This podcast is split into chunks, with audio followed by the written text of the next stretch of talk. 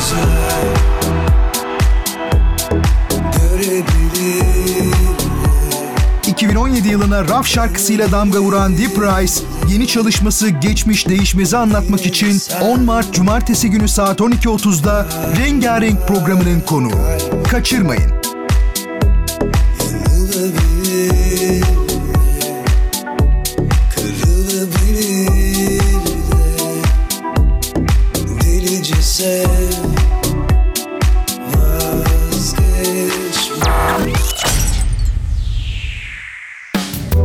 Şehrin bilgi temalı modern sesi. Radyo Gerçek. Dinlemiş olduğunuz programda ürün yerleştirme yapılmaktadır. Bertan Rona ile Duyuşlar. Müzik, sanat, edebiyat, dil, kültür ve hayat üzerine duymak istediğiniz her şey bu programda. Bertan Rona ile Duyuşlar her çarşamba saat 22'de Samsun'un Gerçek Radyosu'nda. Bertan Rona ile Duyuşlar başlıyor.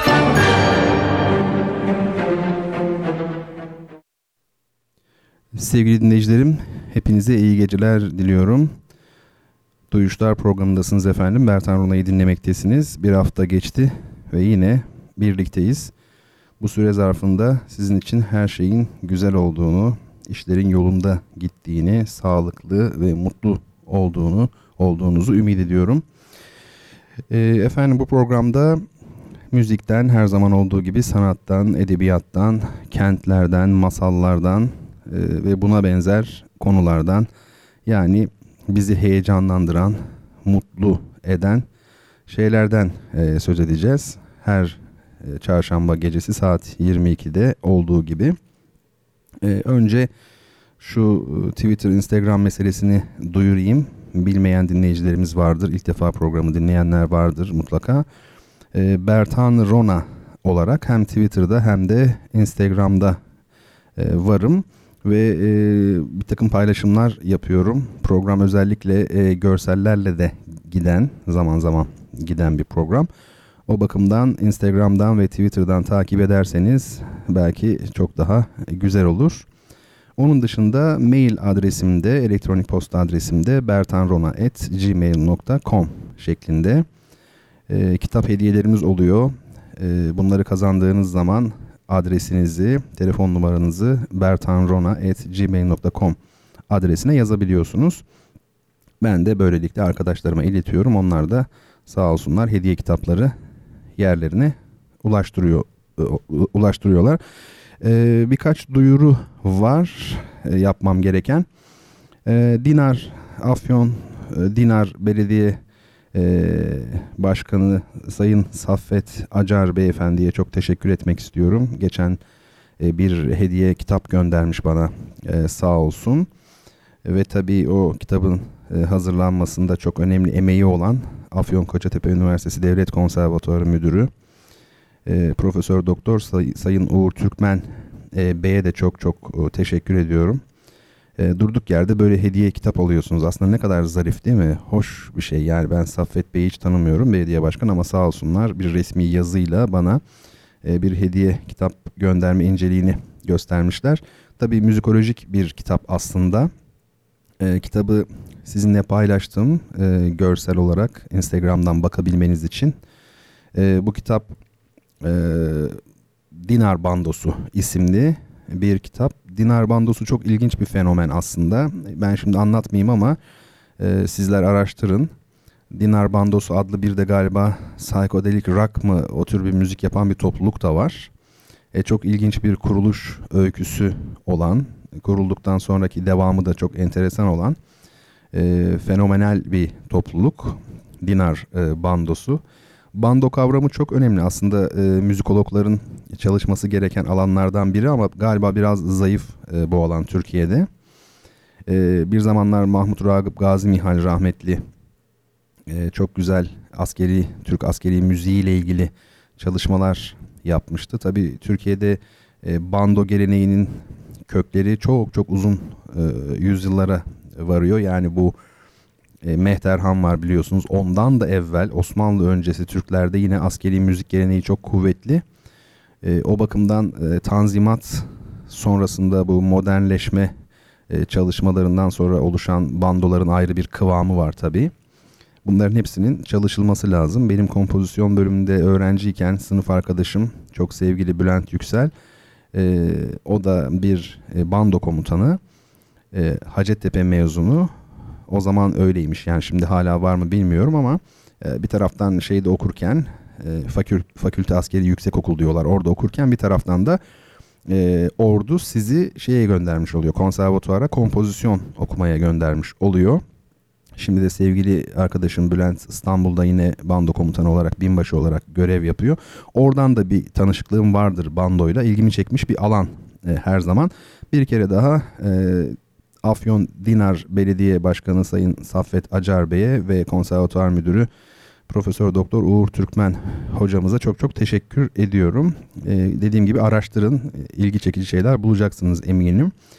Geçen haftadan Ayşegül Hanım'ın, Ayşegül Özdoğan hanımefendinin e, kitabı bu hafta gönderiliyor. Çünkü bir iletişim kopukluğu olmuştu aramızda ve e, adresi ben alamamıştım kendisinden. E, radyoya da haftada bir geldiğim için e, kendisinin de iznini alarak e, yarın göndermiş e, olacağız. Efendim başka bir duyuru artık hep kendi eserimden söz ediyor gibi olmasın ne olur ama ayıp bir şey bu. E, Hekimoğlu Operası'nın e, bir temsili dün vardı İzmir Devlet Opera ve Balesi'nde librettosunu benim yazdığım müziğini çok değerli arkadaşım orkestra şefi Tolga Taviş'in bestelediği Hekimoğlu Operası'nın dün bir temsili vardı ve yarın son temsili var. Yani bu sezon 6 temsil yapacaktı. Altıncısı yarın. Ee, İzmirli dostlar belki e, ilgi gösterirler diye ben bir kere daha duyurmuş olayım. Bu akşam 3 tane kitap hediye edeceğim. Onların fotoğraflarını paylaştım. Yine bakabilirsiniz. E, bunlardan birincisi Yaşar Kemal'in Teneke adlı romanı. Bilmem e, okudunuz mu? Eşsiz bir romandır. Oldukça ince yani Yaşar Kemal'in diğer romanlarına oranla ama çok yoğun bir anlatım e, sergileyen bir roman ve sonunda böyle içiniz cız eder tenekeyi e, okuyunca. E, Türkiye'nin bazı özelliklerine çok güzel temas eden bir roman. Bir de galiba bunu Almanya'da o teneke romanını Almanya'da opera yapmışlardı. Öyle hatırlıyorum. Bir Alman besteci galiba. Almanca'ya çeviriyorlar. Bir tabi libretto e, halinde yazıp bir e, opera yapıyorlar. E, bu da ilginç. Bilginize sunmuş olayım. Yarın Kadınlar Günü. Ben öyle biliyorum. Yanılıyor muyum acaba? 8 Mart değil mi? Dünya Kadınlar Günü. E, şimdiden kutlu olsun. Tabi böyle bir günün tahsis edilmesi işte babalar günü, anneler günü, kadınlar günü gibi beni oldum olası beni böyle bir hafif şey olmuştu. irite etmiştir yani. Hani sanki kadınlar günü deyince tarih erkeklerin gibi hissediyorum yani. Çünkü bir gün tahsis edilmiş gibi oluyor. Ben kadınlara her zaman çok e, ilgi duydum. Kadın sever yani tırnak içinde biri olduğunu söyleyebilirim. Çocukluğumda bile işte böyle hani gün yapar ya kadınlar. E, kadınların sohbeti, o el kol hareketleri, onların dünyası, e, mesela çay içiyorlar işte günde son çayı içince o çay kaşığıyla bardağı kapatıyorlar falan. Böylelikle ne olmuş oluyor? Bir daha içmeyeceğini belirtmiş oluyor. Yani çok ilginç bir şeydir o. Hani gösterge bilimcilerin bile inceleyebileceği bir alan hakikaten. Ee, kadın tabii e, hayatın kendisi bence. Yani kadın hayattır. Kelime olarak da öyledir. Havva da hayattır. Efendim bütün kadınların Kadınlar Günü'nü biz yine kutlayalım. Her ne kadar bir gün tahsis edilmesi bizi tedirgin etse de. E, kadınların tabii hem ülkemde hem de bütün dünyada çok özgürce diledikleri saatte sokağa çıkabildiği, tedirgin olmadan gezebildiği, eğitim olanaklarından e, sonuna kadar faydalanabildiği ve ekonomik güçlerinin de olduğu bir e, dünya hayal ediyorum. Umarım gerçekleşir. Ütopik görünüyor şimdilik ama öyle. Efendim şimdi duyuşlarda e, pek çok şehri tanıttık. Pek çok derken yani çok fazla değil ama e, belli e, şeyler paylaştık. Bu arada Ayşegül Hanım kitap için teşekkürler demiş. Rica ederim. Ölü Ozanlar Derneği gönderilecek. Bugün uykusuz geldim masal için demiş. Peki masal okuyacağız program içerisinde. E tabi masal deyince uyku geliyor aklı. O yüzden uykusuz gelmek de mantıklı hakikaten. E, efendim şehirlerden e, bazılarını işte tanıttık. Venedik'tir, Viyana'dır, işte Diyarbakır'dır, Amasya'dır, Floransa'dır bir şeyler yani tanıttık. Şimdi Rodos sözüm vardı size. Sözüm değil de yani Rodos'tan bahsetmiştik ama bir türlü e, imkan olmamıştı. Hep başka şeyler girmişti araya.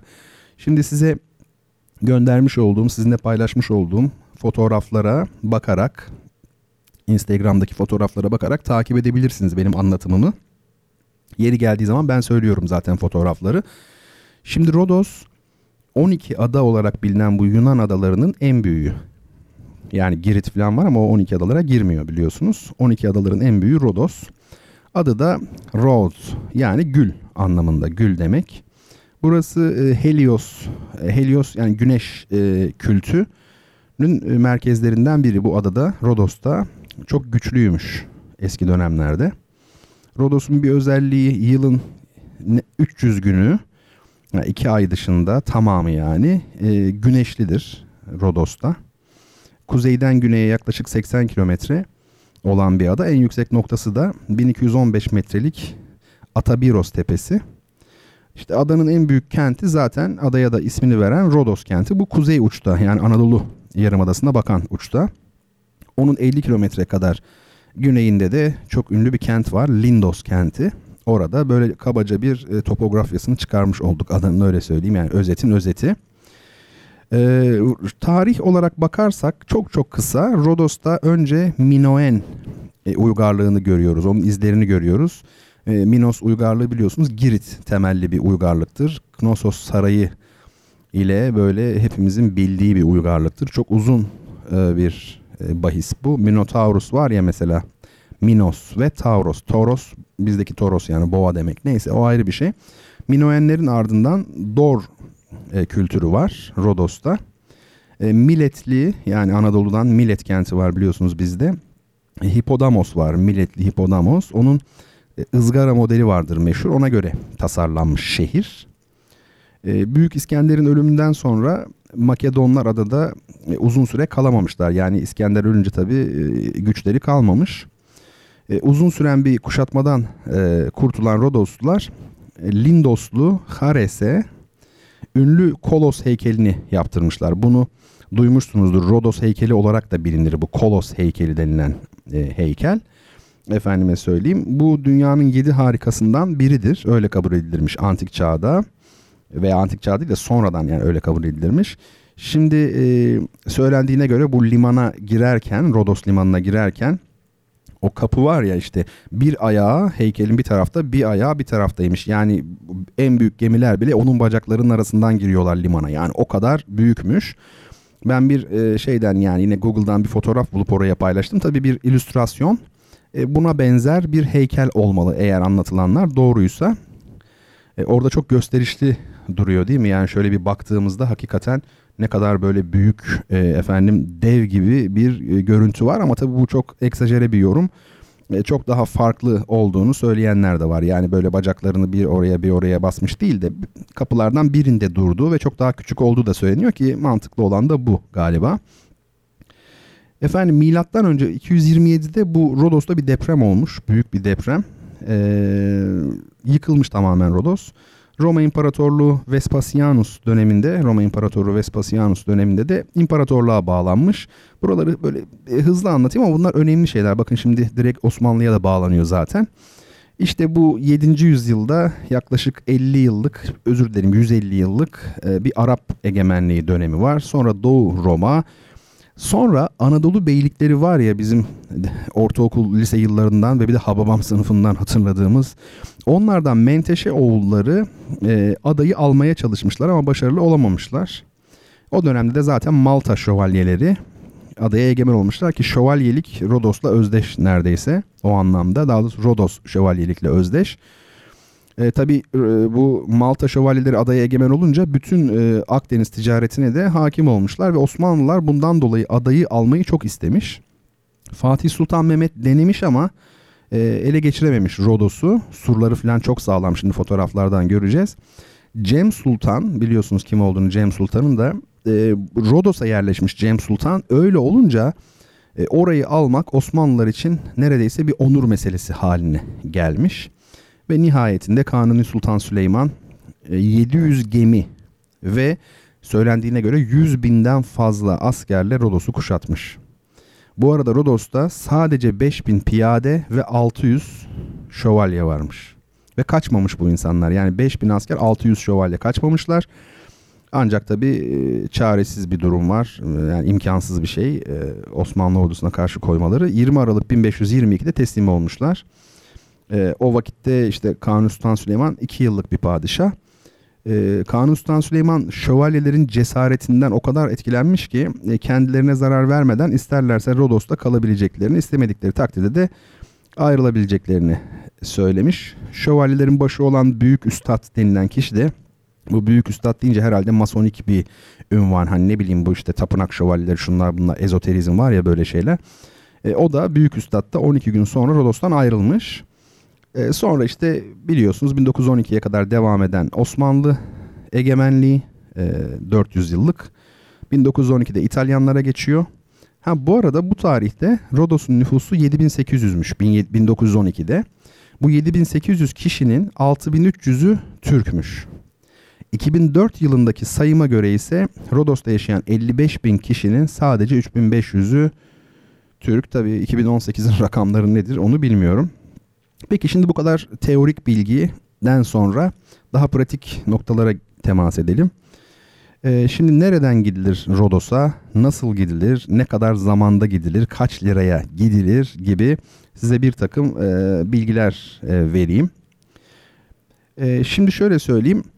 Ee, bu şey de e, ya da bunları aslında belki daha sonra da bırakabiliriz. Önce şu resimlerden başlayalım biz. Şimdi fotoğraflardan takip edebilirsiniz. E, pek çok tarihi şehirde olduğu gibi Rodos'ta da sur içi ve sur dışı diye bir ayrım var. E, asıl tarihi şehir sur içindeyken işte zamanla modern şehir ve yeni nüfus nereye taşmış? Sur dışına taşmış yani bu böyledir hep. İşte Diyarbakır'da böyledir ne bileyim bütün ortaçağ şehirlerinde böyledir. E, sur içi şöyle düşünün büyük bir C harfi düşünün ama C'nin e, uçları birbirine çok yakın olsun yani daireye tamamlayacak şekilde düşünün. Sonra o uçlardan başlayarak bir C daha çizin. İki uç yine birbirine değecek şekilde. İşte Rodos böyle bir yer. Ee, yani sur içi böyle. O uç kısımsa liman oluyor. E, Avrupa'da sevgili dinleyicilerim en iyi korunmuş ortaçağ kentlerinden e, biri bu eski Rodos'tur. En en iyi korunmuş ortaçağ kentlerinden biri. Tabi sokaklarını gezerken anlıyorsunuz bunu. Her yer böyle işte taş döşeli yollar ve dar sokaklarla dolu. Taş işçiliği tabii çok yaygın. E, fotoğraflara bakabilirsiniz. Orada arka arkaya 3 tane fotoğraf var. Bunlar e, Rodos'un çeşitli sokakları, ne kadar meşhur sokakları olduğunu buradan da anlayabilirsiniz. Hakikaten de bu sokaklarda yürürken kendinizi orta çağda e, şövalyelerin arasında hissediyorsunuz. Bu sokaklar ızgara modeline göre tasarlanmış. Demiştim yani milletli hipodamos'un buluşu bu ızgara sistemi. Bugün New York'un planı bile bu sistemden gelir. Bu ızgara modeli yani birbirini kesen düz caddeler falan gibi ızgara modeli deniyor. E, yani millet kökenli düşünebiliyor musunuz? Bizim vatandaşımız olan Hipodamos'tan kaynaklanıyor. Anadolu topraklarından gitmiş. Anadolu'nun e, bugün dünyada nelerin kaynağı olduğunu inşallah iki hafta sonra salı akşamı e, biz burada Samsun'da Doktor Bertan Rona ile salı buluşmaları adı altında böyle çok afili bir isim altında Bertan'la buluşmalar daha samimi altında böyle bir söyleşi dizisi yapıyoruz. dün vardı işte iki hafta sonra 15 günde bir yapıyoruz. Önümüzdekinde de o var. Yani e, bir aksilik olmazsa e, Anadolu kaynaklı neler var dünyaya damga vurmuş. Hipodamos bunlardan biri.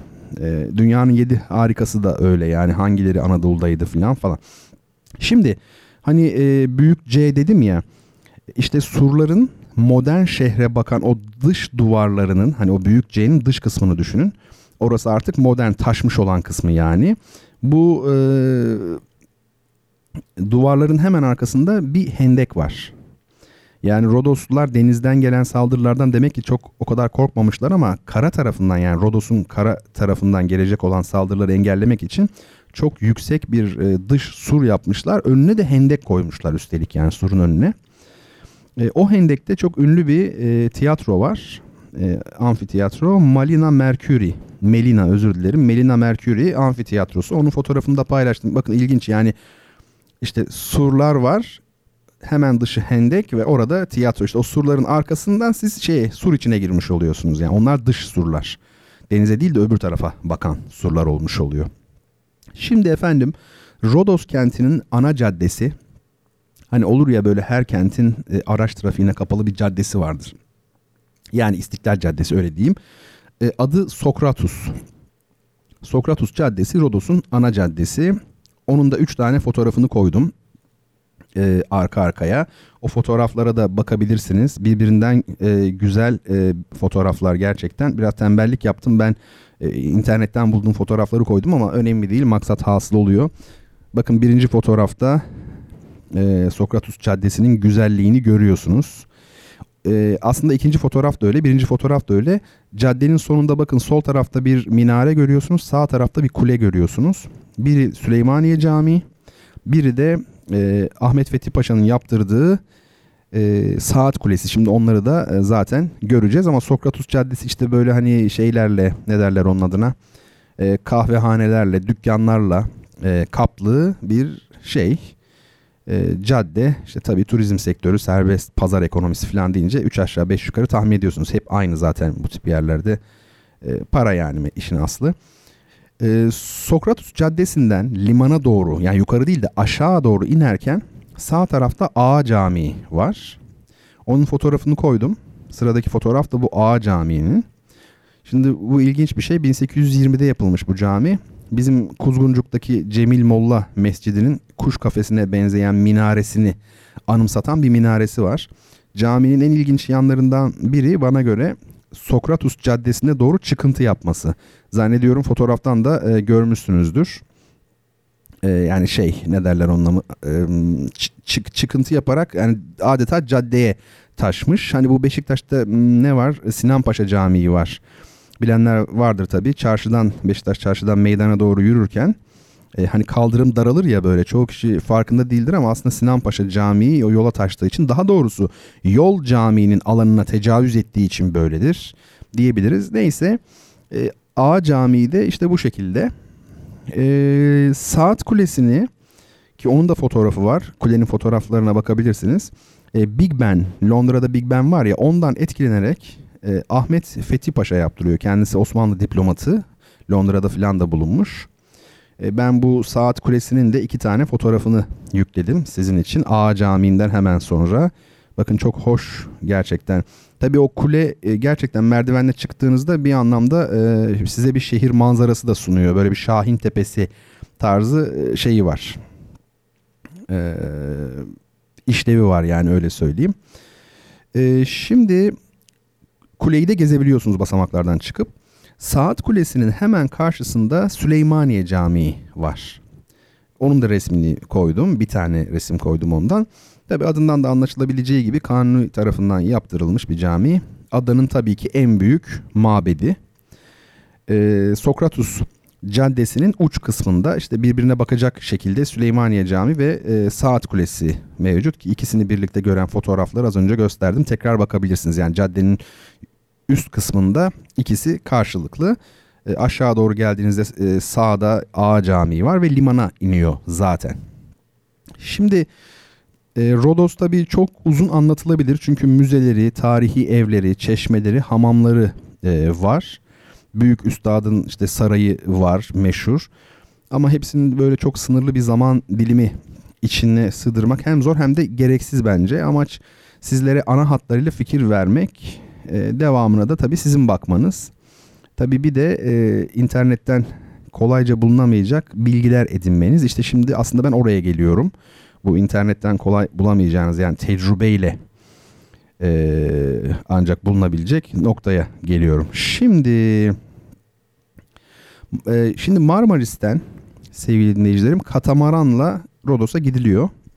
Yaklaşık 1 saat 15 dakika diyelim bir yolculuk bu ki katamaran çok hızlı gitmesine rağmen.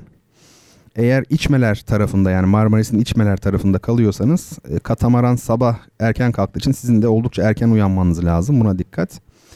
E, tam şeyde şehir merkezinde Marmaris'in şehir merkezinde meydana yakın bir noktada bunun yazıhanesi var işte. Bu bilet satıyorlar size. Oradan bilet temin edebiliyorsunuz e, katamaranla Rodos'a geçmek için. E, biletler e, çok ama çok pahalı. E, şöyle söyleyeyim sabah 9'da gidip akşam 5'te dönmek için kişi başı e, 40 euro Yani sabah 9'da gittiniz akşam 5'te döndünüz 40 euro. Eğer ertesi gün dönmek istiyorsanız ya ben bir gece Rodos'ta kalacağım ertesi gün döneceğim diyorsanız 70 euro. E, bence fahiş fiyatlar bunlar. Ama turizm sektörü böyle biliyorsunuz. Yani e, benim bir de bilet alıp yakmışlığım var ki yani öyle böyle değil. Neyse efendim. Limanda arabanızı e, park edebileceğiniz otopark da var Marmaris'te. Gönül rahatlığıyla koyabilirsiniz. Katamaran e, çok konforlu onu söyleyeyim. E, bir zahmet e, öyle olsun artık yani. E, Rodos'a varınca sizi limana bırakıyorlar e, ve sonra çekip gidiyorlar.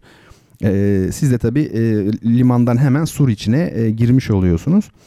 E, bahsetmiştim bu Sokratus Caddesi yani ana cadde e, sur içini boydan boya kat eden merkezi cadde. E, Rodos'ta genel olarak fiyatlar yüksek denilebilir.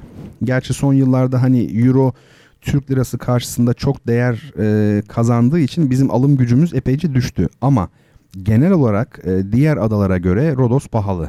Yani Samos'a göre bile pahalı.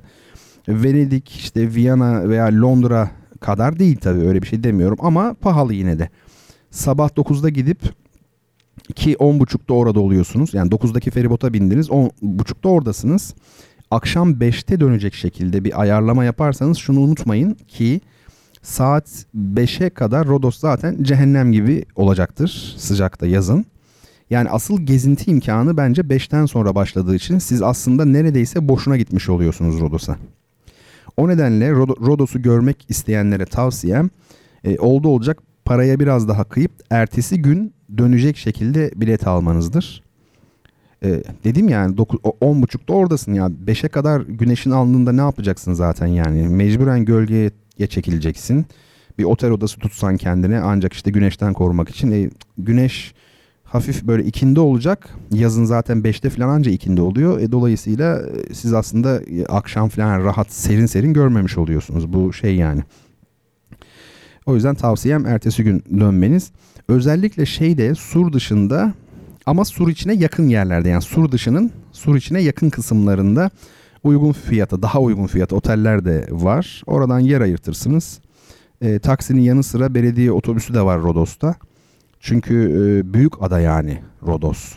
Samos'ta mesela bulamazsınız belediye otobüsü ama Rodos öyle değil. Bayağı şehir yani tepeden o saat kulesinden bakınca İzmir gibi neredeyse yani büyük şehir olarak görünüyor. Tipik böyle Ege Akdeniz kenti görüntüsü var. Apartmanlar falan böyle. İşte belediye otobüsüyle ya da sur içine yakınsanız yürüyerek Rodos'u e, keşfetmeye başlarsınız. E, son olarak size bir de Rodos kitabı önereyim. E, değerli mimar, şair ve düşünce adamı ve tabii e, kural olarak hiç tanımadığımız değerli olduğu zaman değil mi sanatla uğraştığı zaman değerli olduğu zaman biz prensip olarak tanımayız. Prensip yani kural olarak tanımayız baştan. A, o konuda şeyiz yani bayağı bayrak, kitap ve tabancaya el koyup and içmiş gibi değil mi? Tanımayacağım kesinlikle diye baştan bir kararla. Neyse abarttım tabii ama e, Cengiz Bektaş çok değerli e, şair mimar ve düşünce adamı tabii. Öncelikle mimarlığı ön planda tabii Cengiz Bektaş'ın. Onun Rodos adlı bir kitabı var. Ben de Rodos'a gideceğim zaman almıştım o kitabı ama olağanüstü bir kitap. Hiç öyle saçma sapan rehberlere şunlara bunlara hani kitap rehber kitaplar oluyor ya onunla hiç gerek yok. Arkeoloji ve sanat yayınlarından çıkmış baskısı. Ee, şöyle söyleyeyim fotoğrafı var paylaştım sizinle Instagram'dan bakabilirsiniz. Bir saat gibi bir zaman içerisinde okuyabileceğiniz ve gerçekten hani bir mimarın çok e, birikimli birinin bu işleri çok ciddi bilen bir adamın gözünden önemli yerleri görüyorsunuz. Tamam hiç başka böyle e, saçma sapan ayrıntılara gerek kalmıyor. Şimdi Rodos'la ilgili biraz böyle konuşmuş olalım. Sevgili Ece demiş ki şu köprümsü şeylerin amacı nedir? Kırmızı dairenin içinde olan sağ olsun kırmızı daireye almış. Ben de bir bakayım amacı nedir? Evet enteresan ben açıkçası pek bilmiyorum. Ne olabilir onu bir mimar bilebilir. Acaba onların üzerinden yürünüyor mu diyeceğim ama pencere var mı acaba tam binaya ulaştıkları yerde? Ya böyle bir e, mimari hani ne derler onun adına mühendislik açıdan yani bir dayanak istinat duvarı gibi bir şey olur ya hani öyle bir şey mi acaba? Ya o olur ya bağlantıyı sağlar yukarıdan yürürsün ama nereye geçeceksin? Bir de başka aklıma ne geliyor? Yazın acaba böyle bir sarmaşıklar, asmalar falan mı oluyor üzerinde bilmiyorum. E, mimar dinleyicilerimiz var ben biliyorum. Onlara soralım. Abdullah Bey bize cevap versin. Ne acaba onlar bili- bilen varsa tabii yani biliyorlarsa. Şimdi araştıralım ama yani bakalım ben de öğreneyim. E, Cengiz Bektaş dedik efendim. Şimdi Cengiz Bektaş'tan bir şiir okuyayım size. Aynı zamanda şairdir Cengiz Bektaş. Çok değerli bir insan. E, bir programımızda Cengiz Bektaş üzerine de böyle ayrıca bir bölüm yapalım. Çok güzel olur. E, şiiri O Yaprak. Şiir şöyle. O yaprak. O yaprak düştüğünde ben oradaydım. Hiçbir şeyi değiştirmedi tanıklığım. Dalın ucunda tekti. En küçük esinti yoktu. Öyle koptu. Bir iki sallandı ters döndü. Yere kondu. Yeşili bitmemişti daha. Kanalları kurumamıştı. Düştü o yaprak. Kimseler yoktu. Tanıklığım hiçbir şeyi değiştirmedi. Evet 1987 yılında yazmış bu şiiri Cengiz Hoca. Ee, aslında bir anlamda çok çok güzel bir dize değil mi o? Yani o yaprak düştüğünde ben oradaydım. Hiçbir şeyi değiştirmedi tanıklığım. Hayatımızı özetlemiş aslında. Bir takım şeylere tanıklık ediyoruz ama hiçbir şeyi değiştiremiyoruz. Hiçbir şeyi değiştirmedi tanıklığım. Hepimizin trajedisi işte o mısrada. Değil mi? İlginç. Peki. Şimdi biraz dünyaya dönelim tekrar. Uzaklaştık baya. Ve kitap hediyeli sorumuzu soralım. Yaşar Kemal'in Teneke romanını, Yapı Kredi yayınlarından çıkmış Teneke romanını almak için, hediye olarak almak için Gerçi bu da hediye diyoruz ama ne kadar yani ben çok hakkaniyetli bulmuyorum. Yani hediye sorusuz olur kardeşim. Hediye edersin yani. Hem soru soruyoruz hem de hediye. Hayır hediye değil. Bileğinizin hakkıyla alıyorsunuz. Kim biliyorsa kardeşim. İşte bu kitabı almak için e, Bertan Rona e, Twitter hesabına mention yazıyorsunuz hemen. İlk yazan kişi olursanız sorunun cevabını Yaşar Kemal'in tenekesini alıyorsunuz. Hayatınızın kitaplarından biri olur yalnız onu söyleyeyim. Çok güzel kitap eser yani. Evet soru şöyle. Costa Rica'da bulunan adını verdiği milli parkın en önemli unsuru durumunda olan zirvesinden hem Atlas Okyanusu hem de Büyük Okyanus aynı anda görülebilen en son 1994 yılında püskürmüş 3400 metre yüksekliğindeki ünlü yanardağın adı nedir? Costa Rica'daymış, yanardağmış. Ama ilginç bir şekilde zirvesinden hem Atlas Okyanusu hem Büyük Okyanus görünüyormuş. İnanılmaz bir şey bu. Ee, en sonunda 1994 yılında püskürmüş 3400 metre yüksekliğindeki ünlü yanardağın adı nedir? Sizler şimdi cevabı yazmak için harıl harıl çalışırken, kopya çekerken Google'dan ben e, müziği gireyim yavaş yavaş. Geçen hafta hatırlar mısınız betimleyici müzikten söz etmiştik. Yani işte yaban arılarını ya da akvaryumu ya da efendim başka bir şeyi, e, tabiat görüntüsünü, sesi tasvir eden, betimleyen bir müzik türüydü, betimci müzik. Şimdi size dinleteceğim parça çok ilginç. Ama hakikaten çok ilginç. Yani şöyle söyleyeyim, bir yıllık e, duyuşlar programında herhalde e, şey yapmış olan, e, çalınacak olan en ilginç müziği dinleyeceğiz. Bu müzik e, Rossini'nin ünlü Kedi düeti. Yani karakterler birer kedi olarak miyavlıyorlar. E, şarkıyı o şekilde söylüyorlar. Tabi Rossini'ye ait olmadığını söyleyenler de var bu düetin ama e, o müzikolojik bir mesele. Biz Rossini diye kabul ediyoruz tabi. E, ve kedi düeti gerçekten ilginizi çekecektir. Dinleyin bakalım. Ardından duyuşlarda sanatın, müziğin, edebiyatın, mimarinin, şehirlerin, satrancın nabzını tutmaya devam ederiz.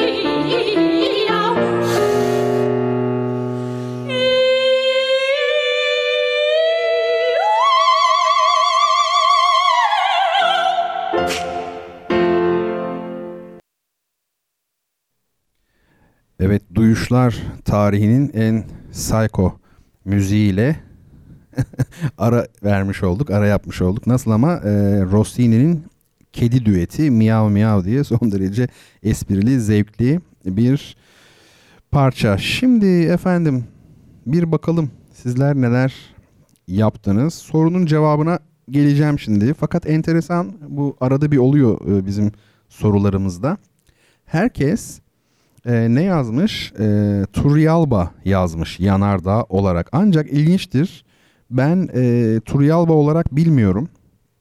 Ben Irazu olarak biliyorum. Irazu volkanı. Irazu'nun tepesinden bildiğim kadarıyla hem Atlas Okyanusu hem de Büyük Okyanus görünüyor. Ee, bir bakın bence Google'dan bir araştırın. Eğer Turrialba ise o zaman Abdullah Bey, Abdullah Turgut Bey e, kitabımızın sahibi oldu. Turrialba ise. Eğer değilse e, İrazu çıkmadığı için ben böyle söyledim. Aslında Turrialba olarak da kabul edebiliriz. Evet Abdullah Bey aynı zamanda sorumuza da yanıt vermiş. Sevgili Ece de teşekkür etmiş. İkimizin adına teşekkür etmiş olsun. Ee, ne demiş sevgili Abdullah Bey? Sağ taraftaki istinat duvarının sokağa devrilmemesi için binalardan o kemerler vasıtasıyla destek alınmış demiş. Evet e, tahminim o zaman e, e, doğru çıktı. Hiç de anlamadan tutturmuşuz yani biraz. Peki e, bu İrazu sorunsalını çözmemiz lazım. Yani bu yanardağ hangisi? Bir bakın ne olur. Ben İrazu olarak biliyorum. E, bir onu araştırın. Beni de aydınlatmış olursunuz. Efendim şimdi size bir kitap tanıtımı yapacağım. Bu kitap e, çok çok güzel bir kitap ama yani yürek ister okuması. Çünkü herhalde bir şimdi yani tahminen söyleyeyim 600-700 sayfa vardır. Çok böyle hacimli bir kitap. E, fotoğrafını da o yüzden iki tane koydum. Paylaştım Instagram'da. Bir tanesi hani ön kapak olarak eyvallah ama yandan görüntüsü de ki orada çok çıkmamış bence. Bayağı tuğla gibi diyebileceğimiz bir kitap yani. Şimdi e, e, bu kitap tarih boyunca Kent, Lewis Mumford'un kitabı. E, şimdi ben size Mumford'u bir tanıtayım e, biraz. Kimmiş? Edebiyat eleştirisi, Amerikan araştırmaları, kentler tarihi, mimarlık, uygarlık ve teknolojinin yanı sıra bölge planlaması, çevrecilik ve Amerika'da toplumsal yaşam da dahil olmak üzere çok farklı konularda yapıtlar veren Lewis Mumford 20. yüzyılın en özgün seslerinden biriydi. Malcolm Cowley onu büyük hümanistlerin sonuncusu olarak nitelemişti. E, Lewis Mumford 1895'te Flushing, New York'ta doğmuş. City College of New York'ta ve New School for Social Research'te okumuş. Ancak tüberküloza yani vereme yakalandığından eğitimini tamamlayamamış. Bilimsel yapıtlarının kapsamı göz önüne alınırsa üniversite diplomasının olmaması daha da ilginçtir diyor. İsabet olmuş olmaması.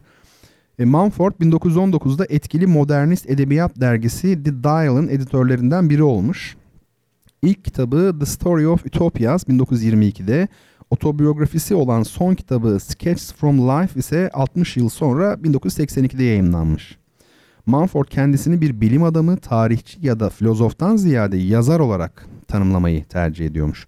Eserlerinin geniş kapsamı, aralarında yazarların, ressamların, kent planlamacılarının, mimarların, felsefecilerin, tarihçilerin ve arkeologların bulunduğu çok farklı meşguliyetleri olan insanlarla temas kurmasını sağladı diyor. Bunlar kitabın girişinde yazan şeyler efendim. Çok da fazla şey yapmayayım, uzatmayayım yani e, ama öyle anlaşılıyor ki şehir, bölge planlaması, mimari, çevrecilik gibi konularda özellikle çalışıyor. Yani spesifik alanları bunlar. Alanı bunlar öyle görünüyor. Madalyalar almış falan falan şunlar bunlar. Biz o kısımlarla pek ilgilenmeyelim. Ben size kitabın arkasındaki e, tanıtım yazısını okuyayım. Ayrıntı yayınlarından tabii çok kaliteli kitaplar çıkıyor gerçekten. e, güzel de bir yazı yazmışlar şöyle. Ütopyaların merkezinde hep bir kent tasarımı bulunmasına şaşırmalı mıyız? Kentin aracılık ettiği süreçler, yerine getirdiği işlevler ve insan hayatı üzerindeki etkileri düşünüldüğünde bu hiç şaşırtıcı değil. Elbette kent sadece maddi yapılardan ibaret değildir. Fiziksel bir bütünlüğe ve somutluğa sahip en büyük toplumsal birim olmasının yanı sıra kent geniş bir toplumsal ilişkiler ağının hem yaratıcısı hem de düğüm noktasıdır. Göçebenin kışlağından ve köyden farklı olarak insanın kendisi gibi olmayan ile yabancı ile karşı karşıya geldiği, ilişki kurduğu ve birlikte yaşadığı yerdir. Rousseau'nun deyişiyle köyü, kasabayı evler oluşturur, kenti ise yurttaşlar. Ne güzel bir söz değil mi? Köyü, kasabayı evler oluşturur ama kenti yurttaşlar. Öyleyse Platon'dan Thomas More'a, Fourier'den bugüne daha iyi bir dünya düşlemeye girişenlerin hayallerini somutlaştırıp ayrıntılandırırken bir kent çizmeye başlamalarına şaşırmamalı. Belki de esasen kent üzerine kuramsal araştırmaların göreceli olarak azlığına şaşmak gerekiyor. Kent planlamasından kültür ve tarihine, teknolojiden toplumsal eleştiriye uzanan geniş bir alanda çalışmış olan Amerikalı düşünür Lewis Mumford'un başyapıtı Tarih boyunca kent, işte bu ihtiyacı karşılama doğrultusunda atılmış ilk ve dev bir adım. Bu kitapta Mumford hem kentlerin evriminin tarihini hem de odak noktasında kent olan bir uygarlık tarihi yazıyor. Kentin yaratıcı ve yıkıcı imkanlarının izini tarih öncesine kadar sürerek okuru Mezopotamya ve Mısır'dan yola çıkarıp Yunan, Roma ve Orta Çağ'dan Avrupa monarşilerinin başkentlerinden ve sanayi kentlerinden geçirerek günümüz dünyasındaki yol ayrımının başına getiriyor. İnsanın başkası ile bir arada bir düzen kurması ve bir hukuk oluşturması, işbirliği ve iş bölümü sayesinde müthiş bir yaratıcı enerjiyi açığa çıkarması bu tarihin bir yüzü ise iktidar, savaş, hiyerarşi ve aşırı mesleki uzmanlaşma aynı tarihin diğer karanlık yüzünü oluşturuyor. Tapınağı, kalesi ve surlarıyla Neolitik kent de merkezi istihdam yüzünden tıkanmış, özür dilerim merkezi izdiham yüzünden tıkanmış, dört bir tarafa banliyöleriyle yayılan ve bugünün şekilsiz kenti de bu iki yüze sahip.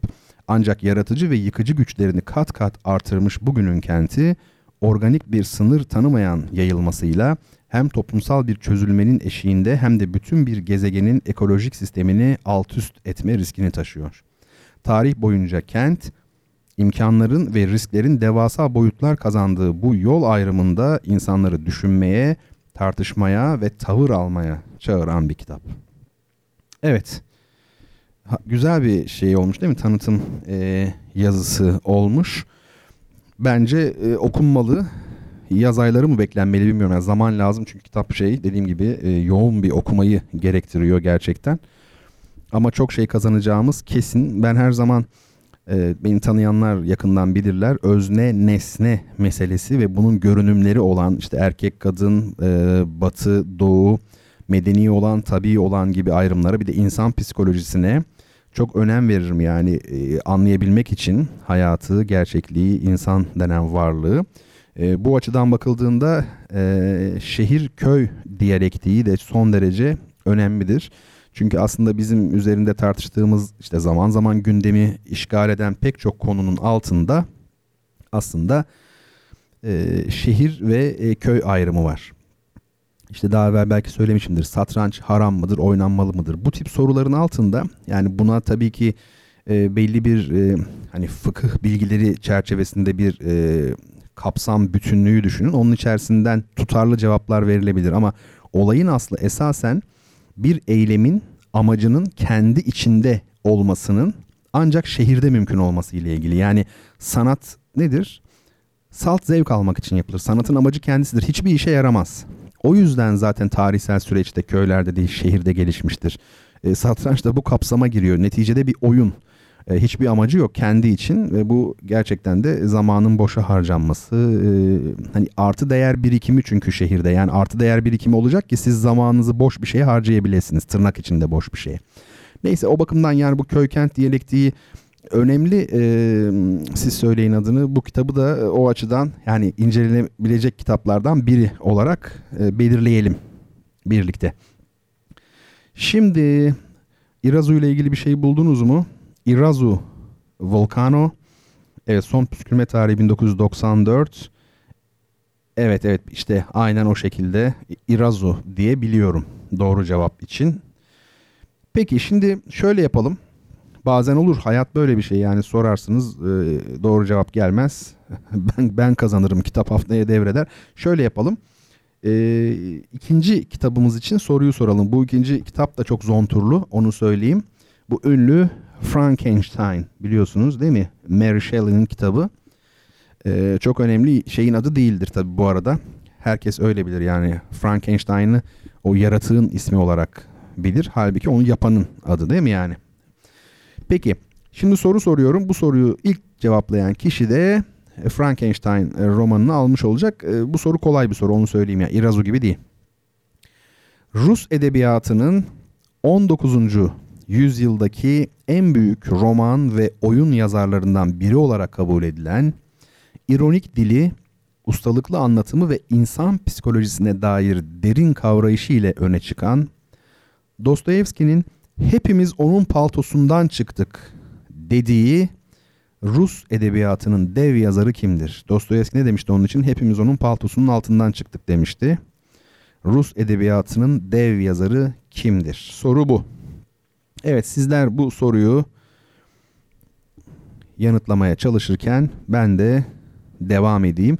Bildiğiniz üzere son haftalarda, son aylarda hatta neredeyse azmettik ve bütün dünya satranç şampiyonlarını teker teker size anlatıyorum kısaca. Şimdi size çok büyük bir şampiyonu yine anlatacağım. 1963-1969 yılları arasında 6 yıl dünya şampiyonluğunu elinde bulundurmuş olan Sovyetler Birliği vatandaşı Tigran Petrosyan dan söz edeceğim. Petrosyan 1929-1984 e, yılları arasında e, yaşamıştı. E, o zamanki dünya şampiyonu Botvinnik'i 1963 yılında yenerek 9. şampiyon oldu. Daha önce gördüğümüz Mikhail Tal'dan farklı olarak ilk başarılarının ardından Petrosyan'ın dünya şampiyonluğu makamına ulaşabilmesi için maalesef 12 yıl geçmesi gerekti.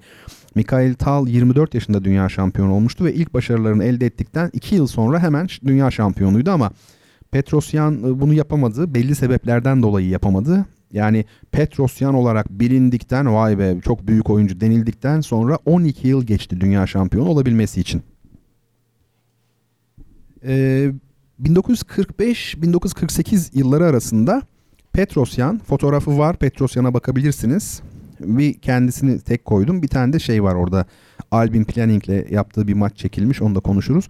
45-48 yılları arasında Gürcistan'da ve Ermenistan'da şampiyon oldu. Yani Gürcistan ve Ermenistan şampiyonlukları var. Sonra Sovyetler Birliği Gençler Şampiyonu olduğu ama asıl çıkışı 1950'de başladı Petrosyan'ın. O tarihte kendisi Moskova'ya yerleşti. 19. Sovyet Sosyalist Cumhuriyetler Birliği şampiyonasında, satranç şampiyonasında umulmadık biçimde Paul Keres'in ardından ikinci oldu. Zaten hep söylüyorum Sovyetler Birliği şampiyonluğu demek o dönemde neredeyse dünya şampiyonu demek. Ee, kimse onun ikinci olacağını beklemiyordu ama oldu.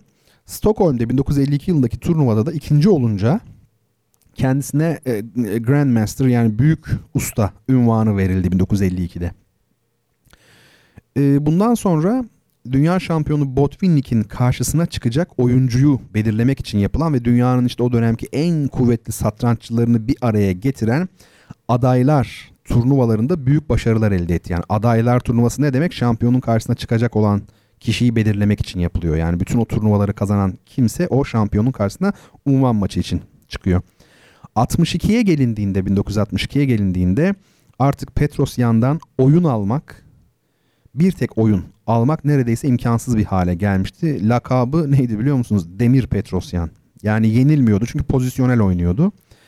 59 ve 61 yıllarındaki Sovyetler Birliği şampiyonluklarını da kazandı. 62'deki Curaçao adaylar turnuvasında artık kazanınca dünya şampiyonu Botvinnik'in karşısına çıkmaya da hak kazanmış oldu. tabii unvan maçı için yoksa turnuvalarda dünya şampiyonuyla da karşılaşabilirsiniz. Bakın bunları karıştırmamak lazım. Mesela şu an dünya şampiyonu Magnus Carlsen değil mi? Ben de diyelim ki satranç oynuyorum. E, unvan maçı başka bir şey. Ben şimdi e, bir turnuva yapılsa ben de oraya katılsam ben tek bir partide yani tek maçta Magnus Carlsen'i yenebilirim. Ama o tek oyun önemli değildir. Yani önemli olan benim dünyanın en iyi satranççısı olup yani o dönemdeki bütün o turnuvaları falan kazanıp e, Magnus'un karşısına çıkma hakkını elde etmemdir. O işte unvan maçı 24 maç üzerinden oynanıyor o. Mesele o yoksa tek parti değil söz konusu olan onu söyleyelim. Efendim 63'teki işte bu unvan maçında hem zihnen hem de bedenen aslında Petrosyan çok iyi hazırlanmıştı. Günde 3 saat kayak yapıyordu. Tabii şimdi satranç deyince insanların aklına hep zihinsel bir oyun olarak geliyor ama e, şöyle söyleyeyim. Tek bir maçta 3-4 kilo veren satranççılar olduğu söylenir. Çünkü aşırı bir zihinsel efor var orada. Dolayısıyla fizik olarak çok güçlü olmanız lazım. Petrosyan da 3 saat kayak yapıyormuş her gün. Sibirya'da herhalde ne bileyim. E tabi bu durum maçın ikinci yarısında yani kondisyonun önem kazandığı devrede hani 24 maç ya 12. maçtan sonra özellikle yorulunca insanlar orada Petrosyan'ın lehine oldu bu durum. Botvinnik'in zaten yaşı da Petrosyan'dan büyüktü ve ne yaptıysa Petrosyan'ı durduramadı. Petrosyan 63'te şampiyon olduktan sonra 66 yılında birçoklarınca işte gelecek dünya şampiyonu olarak görülen Boris Spassky'ye karşı unvan maçına çıktı. Kendisi şampiyonken çok küçük bir farkla unvanını korumayı başardı. Ama 69'da yani 3 yıl sonra Spassky yine onun karşısına çıktı unvan maçında. Bu defa Spassky kazandı ve Petrosyan şampiyonluk unvanını kaybetti. Ama Petrosyan bundan sonra da büyük turnuvalarda oynamaya hep devam etti. Ölene kadar da en elit oyunculardan biriydi tabii dünyadaki. E, nispeten az turnuva kazanmıştır Petrosyan. Çünkü onun oyun stili çok pozisyonel ve sağlamcıydı. E, o nedenle de biraz fazla beraberlik yapıyordu. Yani ne demek? E, risk almıyor oyunda. Yani berabere bitiyorsa berabere bitsin. Yeter ki yenilmeyeyim gibi pozisyon düşünerek oynuyordu daha çok. O nedenle biraz Capablanca'ya benzetilir. Bu kısmen doğru ama kısmen de yanlış çünkü açık konuşmak gerekirse Capablanca eşsizdi. Yani eşsiz bir oyuncuydu. Ee, çok şey yani büyük şey ne diyor biliyor musunuz? Emmanuel Lasker pek çoklarınca tarihin gördüğü en büyük şampiyonlardan biri. 27 yıl dünya şampiyonuydu Emmanuel Lasker. Demiş ki pek çok güçlü oyuncu ile oynadım ama sadece bir tanesi dahiydi demiş. O da Capablanca için. Ve çoğu kişiye göre tarihin en büyük satranççısı dedikleri e, Bobby Fischer Amerikalı ki çok sansasyonel biridir ona geleceğiz. Bobby Fischer ne diyor biliyor musunuz? E, Capablanca tarihin gördüğü en büyük oyuncudur diyor ve satranç onunla bitmiştir diyor. Şimdi e, belki de Capablanca ile ilgili bu program yani şampiyonları tanıttık tanıttık bitti. En son tek bir şey yapabiliriz yani o çok e, şey özel biri çünkü gerçekten. Efendim şimdi şu e, fotoğraflarda bir tanesinde Petrosyan var bir tanesinde de o hani böyle e, dar pantolonlu falan böyle çekmiş böyle kıl kuyruk tabiri caizse bir tip var ya fotoğrafta. O da Albin Planning. Mesela o da Petrosyan'ın tam karşıtı bir adam. Onun için aman kaybetmeyeyim de sağlamcı oynayayım varsın berabere bitsin. Tam tersi ya e, hani herru ya merru diye bir söz var ya yani ya kazanayım ya da kaybedeyim diyen bir adamdır. Planning çok fazla yenilgi çok ve çok fazla galibiyet almış bir beraberliği azdır. Ama oynadığı zaman olağanüstü e, satranç üretmiş bir kişidir. Ben ikisinin böyle bir maçı olduğunu bilmiyordum. Etrafta hayran hayran insanlar e, seyrediyor. Peki şimdi sorunun cevabını kimler verdi bir bakalım. Ayşegül Hanım da demiş ki cevap İrazu görünüyor. Evet o zaman ben kazandım. Şimdi hiç kimse kusura bakmasın değil mi? Ayşegül Hanım yardımıma yetişti. Bu böylelikle kitap haftaya devretti. İlk sorunun cevabı İrazu e, yanardağıymış. Çok teşekkür ederim Ayşegül Hanım'a. Şimdi evet e, ama şeyin cevabını ilk kim verdi bir bakalım. Gogol yani tabii ki cevabımız. Bunu da Betül Hanım vermiş. Ne güzel bir kütüphane kuruyoruz. Harika. Gogol yazanlar var. Fatih Bey 3. olarak yazmış. Ece Hanım 5. olarak. Abdullah Bey 4. olarak. Liste böyle e, gidiyor. Evet e, biz Frankenstein kitabını sevgili Betül Sözen'e e, gönderiyoruz. Efendim. İrazu olduğu da anlaşılmış oldu. Peki. E, bertanronayet.gmail.com'a adres gönderiyorsunuz ama galiba Betül Hanım'ın adresi var bizde daha evvel göndermiştik. Şimdi bir müzik arası verelim. Ben felaket konuşuyorum bugün galiba. Öyle bir hisse kapıldım birdenbire. Ee, ama Capablanca için bir şey yapacağız yani program ya. O hak ediyor çünkü çok e, şey değil mi? Acayip. Bak size ilginç bir şey söyleyeyim bakın. Bu e, Capablanca ile Alekin maç yapacaklar. Alekin dünya şampiyonluk maçı. Capablanca e, o zaman şampiyon.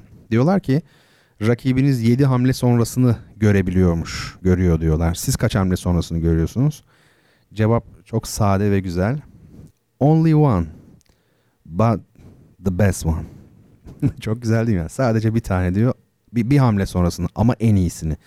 E, bu bir espri tabii ki. E, Capablanca çok büyük adamdır. Çok acayip. Müzik. Evet müziğe geldik. Parçanın adı ne biliyor musunuz şimdi dinleyeceğimiz parçanın adı? Haş haş haş. Tabi haş haş yani afyonla bir alakası yok. Haş e, İngilizce'de sakinleşmek. Yani bizdeki aslında şey var ya bebeklere yapılan piş, piş, piş. Aynen o işte haş haş haş. Efendime söyleyeyim. Bu çok güzel böyle insanın içine dokunan güzel bir parça. Ee, Paola Colin'in parçası. Bebeğe söylenen bir şarkı ve onun masumiyeti ve hayal dünyası iç içe. Sözlerine dikkat edin bence. Yani çok zor bir İngilizcesi yok zaten anlaşılıyor. Ee, etkileneceksiniz gerçekten güzel. Ee, şey de çok güzel bu ekip de çok güzel. Herbie Hancock o kırmızı albüm var ya ya oraya dadandım ben dedim ya buradan çalacağım size çok diye. Feci bir albüm o ya. Ee, yani pop caz ama yani çok güzel. Herbie Hancock var piyanoda ve keyboardda yani bu synthesizer'lar var ya onlarda. Ee, Annie e, Lennox şeyde vokalde, Steve Levinson basta, e, Pete Levinson herhalde kardeş bunlar davulda, bir de Tony Remy o da e, gitarda haş haş haş dinleyelim. Belki bu işte Ayşegül Hanım'ın hani dedi ya ben uyumadan geldim. Bu parçayla uyumazsa onu şeyle masalla uyutacağız. Peki görüşmek üzere.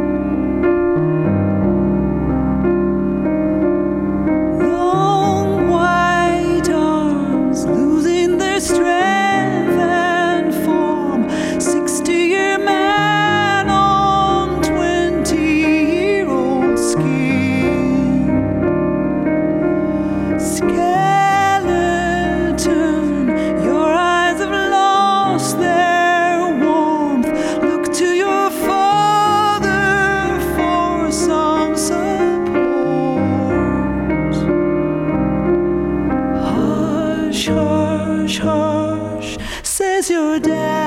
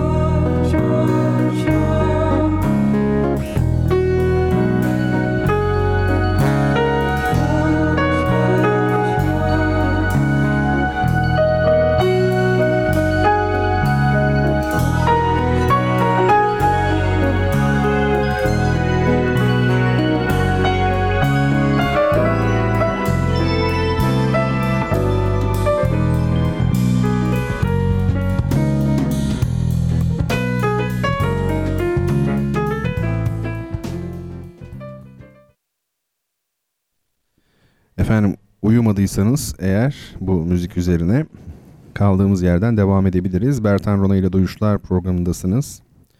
Radyolarını yeni açanlar ya da internete yeni girenler için duyurmuş olalım. E, müzikten, sanattan, edebiyattan, bazen felsefeden bahsetmeye çalışıyoruz. Hayatı ıskalamamaya gayret ediyoruz. Gerçi hayat ıskalanabilecek bir şey de değil galiba. Sen kim oluyorsun ki hayatı ıskalayacaksın yani. Hayat seni ıskalarsa o zaman görürsün yani çok acayip olur. Efendim böyle bir şey yani sohbet ediyoruz. Twitter'da Bertan Rona olarak bulunmaktayız. Bulunmaktayım. Bazen böyle işte birinci tekil bazen birinci çoğul oluyor. E, Instagram'da da yine Bertan Rona olarak varım. Bu, bu görsel paylaşıyorum da o yüzden söylüyorum efendim. Buralardan takip edebilirsiniz. Şimdi mesela bir şey yapacağız. Resim analizi yapmaya çalışacağız. Analiz demeyelim de buna bir sohbet belki. Ee, bunu nereden bakacaksınız siz? Gerçi ben adını söylesem siz Google'dan da çok güzel bulursunuz mesela şimdi bu tabloyu ama yine de ben size hazır bir şekilde vermiş oluyorum. Tabi Instagram'da nasıl görünüyor, büyütülebiliyor mu falan işlevsel oluyor mu onu tam olarak bilmiyorum. Onu siz bana söylersiniz. Ee, eğer rahatsızlık veren bir durum varsa belki yeni bir teknik bir şey deneriz yani. Ee, çok değerli dinleyicilerimden e, Gülsüm Hanım resim analizleri yapalım, resim üzerine daha çok konuşalım demişti. E, resim yapan dinleyicilerim var biliyorum. Mesture Hanım resim yapıyor mesela. Onun için de iyi oluyordur aslında bu şeyler, e, bu sohbetler. Şimdi e, ünlü İtalyan ressam Tiziano'nun e, Urbina Venüsü adlı e, bir ünlü eseri var. Ondan bahsetmek istiyorum. Fotoğraf önünüzde açık dursun. Benim gönderdiğim şey ileti Instagram'dan paylaştım ya ilk resim. Venüs olarak çıplak halde yan duruyor yatıyor işte o. İkincisi de öyle ama o ikincisi başka. Şimdi biz ilkine bakıyoruz önce çünkü Tiziano'nun çalışması o. E, kimdir Tiziano? Valla ne söylesek yetersiz kalır yani çok özel bir ressam. E, 16. yüzyıl Venedik ekolüne mensup bir ressam. Aslında e, aynı zamanda pek bilinmez ama e, Tiziano şey mozaik de yapan bir mozaik ustası e, tarz olarak böyle ışık ve renkle e, oluşturduğu lekeci mi denir? Böyle bir e, tavrı vardır Tiziano. Tabii bu üslup e, konturu yani çizgiyi neredeyse tamamen e, ortadan kaldıran bir şey e, üslup oluyor. Kontur nedir? İşte figürlerin aslında resim sanatında figürlerin sınırlarını oluşturan çizgiye kontur diyebiliriz. Öyle söyleyeyim. E, işte bu çizgi Tiziano'da oldukça fludur. Zaten bu resme de dikkatle bakarsanız çizgilerin yani figürlerin dış hatlarını belirleyen çizgilerin flu olduğunu görürsünüz ama tabii bunu net bir şekilde gözleyebilmek için mesela bir daha klasik böyle David Mavid biraz bakmak lazım. O çok çizgisel e, olanları göreceksiniz ki ya bunda evet biraz flu diyebilirsiniz yani. E, Tiziano sıcak renkleri sever. Güneş ışığına çok duyarlı biridir. Bir artisttir, sanatçıdır. E, ve anlatımı da genellikle e, yumuşak bir e, anlatımdır. Bunlar Tiziano'nun temel özellikleri öyle söyleyeyim. E, Tiziano benim e, favori artistlerimden biri aslında. E, kendi döneminde e, ve sonrasında da çok büyük bir hayranlık uyandırmıştır Tiziano. E, hiçbir e, ressamda olmayan çok ciddi söylüyorum garip bir, bir şey var onda ne olduğunu bilmiyorum. Yani benim hani en çok beğendiğim ressam hayran olduğum kim derlerse yani ne bileyim Raffaello derim öncelikle sonra şey derim e, Rembrandt derim ama Tiziano'da çok bir garip bir şeyler var. Yıllar önce Avrupa'daki çok büyük bir müzede e, bolca e, Tiziano'nun olduğu bir galeride işte çok iyi hatırlıyorum. Bir resmin karşısına geldiğimde ve o resimden böyle büyülendiğimde altındaki isme bakınca hep Tiziano çıkıyordu. Tabi o zamanlar e, resim konusundaki bilgim, e, görgüm şimdiki gibi değil. Yani şimdi de çok matah olduğunu söylemiyorum ama o zamanlar hakikaten daha naif bir durumda. Yani e, bir tabloya baktığımda o müzede estetik olarak böyle değerlendirebilsem de o tablonun kime ait olduğunu tabi anlayamıyordum. Ee, yani müzede onlarca yüzlerce resim gördüm ve beni ilk bakışta hayrete düşüren resimlerin altında genellikle Tiziano'nun ismi vardı. İşte böyle bir ressamdır Tiziano. Yani galeride mesela bir duvarda işte onlarca şey asılmış, resim asılmış. Tabi sıralı bir şekilde gitmiyor her zaman envanteri nasılsa şeyin müzenin bazen mesela bir tane Rubens, bir tane Tiziano, bir tane bilmem ne böyle karışık karışık gidiyor. Yani büyülendiğim an bu ne ya dediğim an altına bir bakıyorsun Tiziano. Şaka yapmıyorum çok ciddiyim. Ee, şimdi göreceğimiz resim ben de hoca gibi konuşmaya başladım. Şimdi göreceğimiz resim, ele alacağımız resim ee, işte benim gerçeklerle yüzleşeyim Instagram'a yüklediğim resim açıkçası. Bu benim bizzat gördüğüm bir resim. E, Floransa'daki ünlü Uffizi Müzesi'nde bu. Uffizi ne demek adından da anlamışsınızdır belki. Uffizi, ofis demek yani ofisler demek. Onun tabi Uffizi'nin kendisi de bir e, sanat eseri o ayrı mesele. E, şimdi resme baktığımız zaman ne görüyoruz? İşte belli ne gördüğümüz Venüs uzanmış duruyor değil mi? Urbina Venüs'ü. Efendim arkada bir kadın var, bir çocuk var, yanında bir köpek var değil mi? Yani böyle bir şey var, kompozisyon e, görüyoruz. Şimdi e, bunlar ne demek? E, bir kere erotizm ön planda zaten Venüs olduğu için bir erotizmin olmasına e, şaşmıyoruz. E, çıplak bir kadın uzanmış bu bir erotik bir şey. E, bakışlar şey e, kısmen davetkar ama ilginç bir şey bütün bu çıplaklığa yani nü görünüme ve davetkar bakışlara rağmen modelde model demeyelim de ona yani işte o figürde bir asalet görüyoruz. Ee, bir asil bir ifade var. Burada köpek aslında her şey bir sembol diyebiliriz. Köpek masumiyeti anlatıyor.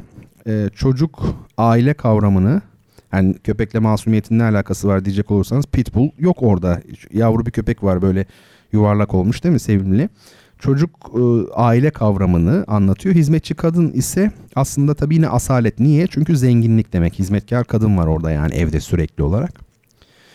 Ee, hani demiştik ya komp- kapalı kompozisyon, açık kompozisyon. Ne demek açık kompozisyon? Figürler ya da anlatılan hikaye kadrajın veya işte efendim çerçevenin dışında da devam ediyor gibi yani e, çizilmişse açık kompozisyon ama her şey tablonun e, çerçevesinin içinde olup bitiyorsa kapalı. Bu kapalı bir kompozisyon tabii ki. Burada bir ana yön var. Teknik konuşmak gerekirse ana yön nedir? Venüs'ün ayağından kadının ayağından başına doğru böyle 45 derece neredeyse değil mi? bir açıyla böyle bir düzlem bir çizgi düşünün daha doğrusu. Bir çapraz bir kontur var çizgi var. Basamaklar var ya arkada gördüğünüz basamaklar işte onlar ile e, Venüs'ün yattığı yatak e, ise yatay ara yönler.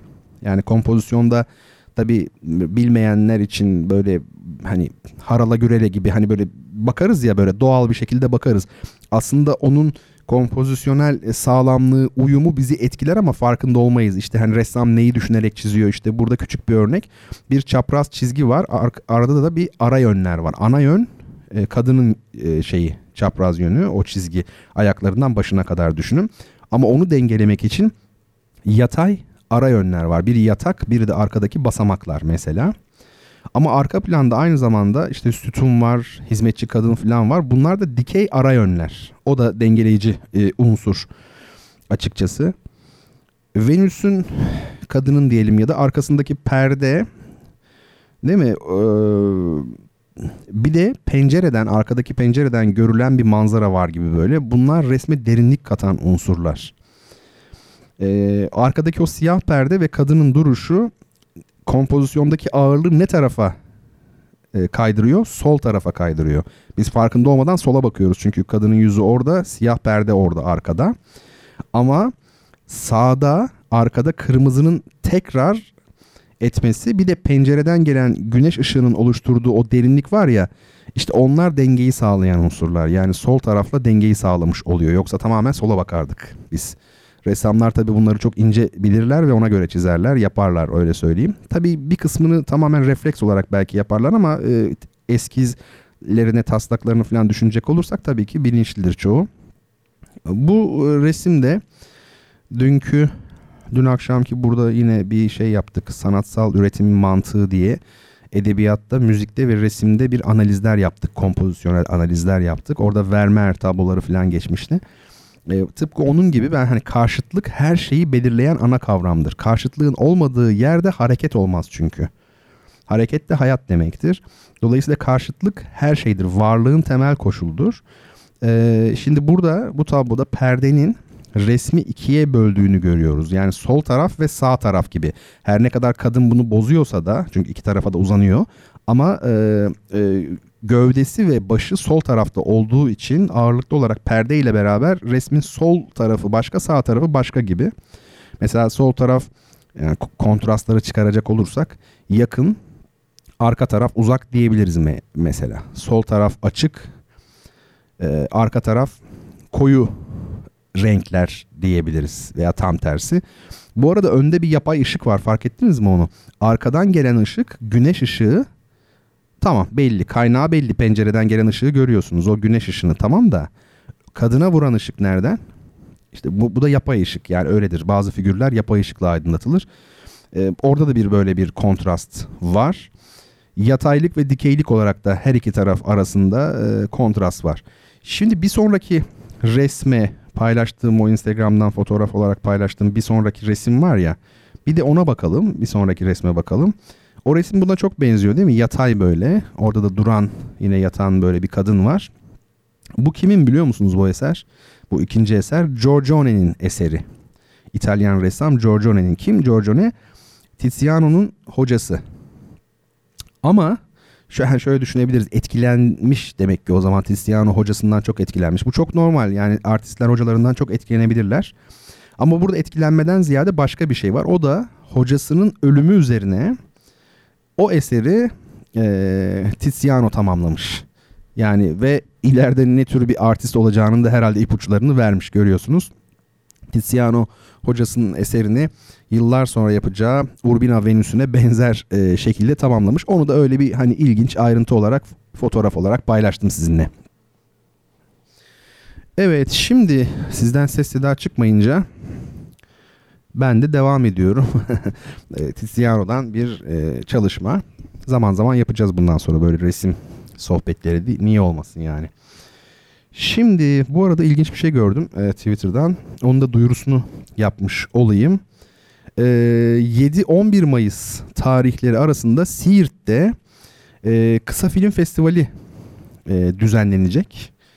E, ben onda bir konuşma yapacağım galiba. Davet ettiler. Ben de e, kırmadım. E, orada bir şeyim olacak bir sunum mu artık e, sinema ile ilgili herhalde bir şey konuşmamı istiyorlar.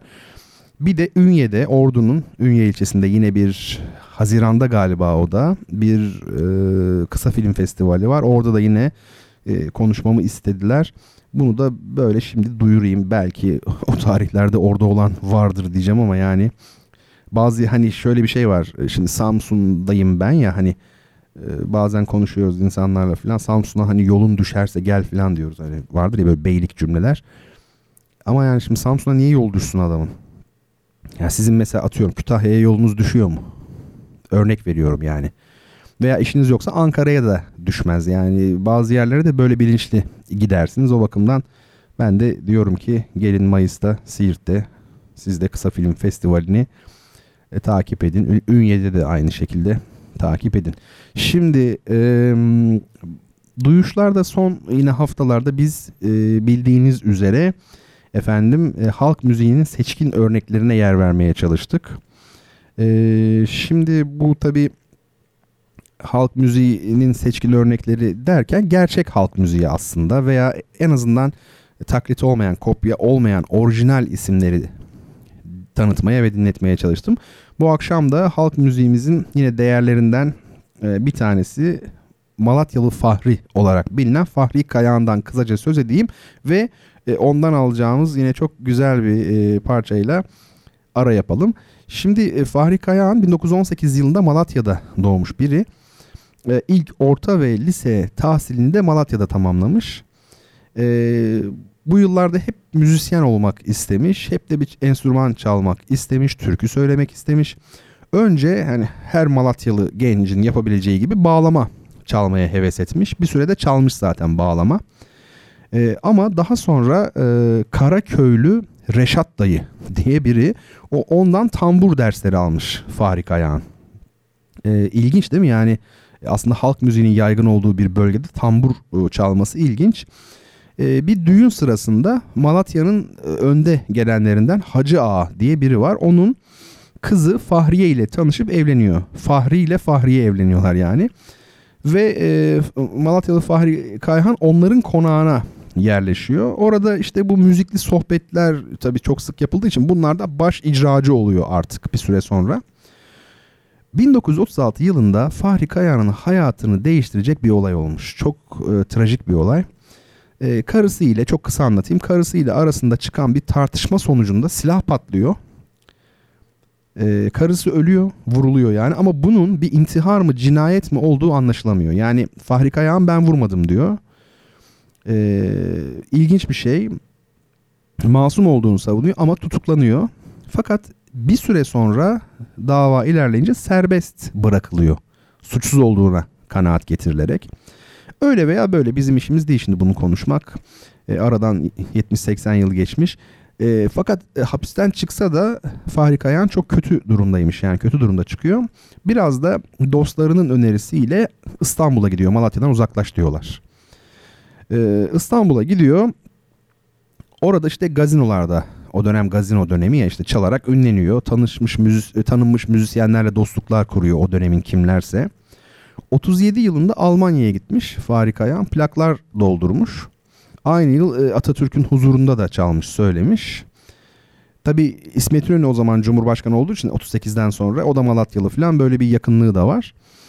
E, şimdi ilginç birkaç şey söyleyeceğim. Malatyalı Fahri Kayan iki filmde oynamış oyuncu olarak ama daha da ilginci 60 adet film senaryosu yazmış. Hoppala şimdi değil mi? Hoppala paşam Malkara Keşan diye bir şey var. Yani 60 adet film senaryosu ne demek? Yanlış duymadınız 60 tane. Efendim 69 yılında Fahri Kayan acı bir olay daha yaşıyor. Bu, da çok trajik bir olay 69'da yaşadığı. Ee, Fahri Kayan'ın evi soyuluyor ve bütün plakları özel böyle hatırası olan e, hatırası olan kıymetli eşyası ve işin en korkunç tarafı da besteleri hani böyle e, yazmış kağıda notaya almış ama e, duruyor hala. Bu besteler hepsi çalınmış. Bu olayla adeta şoke olmuş Fahri Kayan. Hastaneye kaldırılmış ve ancak bir ay dayanabilmiş. Hani fizik olarak da gücünü kaybetmiş e, anladığım kadarıyla hayatını e, kaybediyor. Zincirlikuyu mezarlığına defnediliyor. E, halk müziği ile sanat müziğinin böyle sınırlarında gezinen e, Malatya, Elazığ, Diyarbakır böyle Urfa bölgelerinin kültüründe hani vardır ya bu sıra gecesi denilen şey. O anlayıştan etkilenmiş bir tarzı var e, Malatyalı Fahri Kayan. Atmayayım tabii çalıştığım bir alan değil ama hani böyle detayı vardır mutlaka. Bugün e, büyük ölçüde unutulmuş olsa da onu bilenler, e, orijinalitesini kabul edenler hala kendisini sevgi ve hayranlıkla yad ediyorlar gerçekten. Biz de programımızda şimdi yer vermiş oluyoruz ona. Allah rahmet eylesin diyelim. Ve yeni kuşakların bu değerlerden, halk müziğinin bu gerçek sahiplerinden habersiz yetişmemeleri temennimizi de yinelemiş olalım. Şimdi hadi gelin müziğimizi dinleyelim. Ee, yine bir kitap hediyemiz olacak. Onu göndereceğiz. Aradan sonra Malatyalı Fahri'den şu dağları delmeli.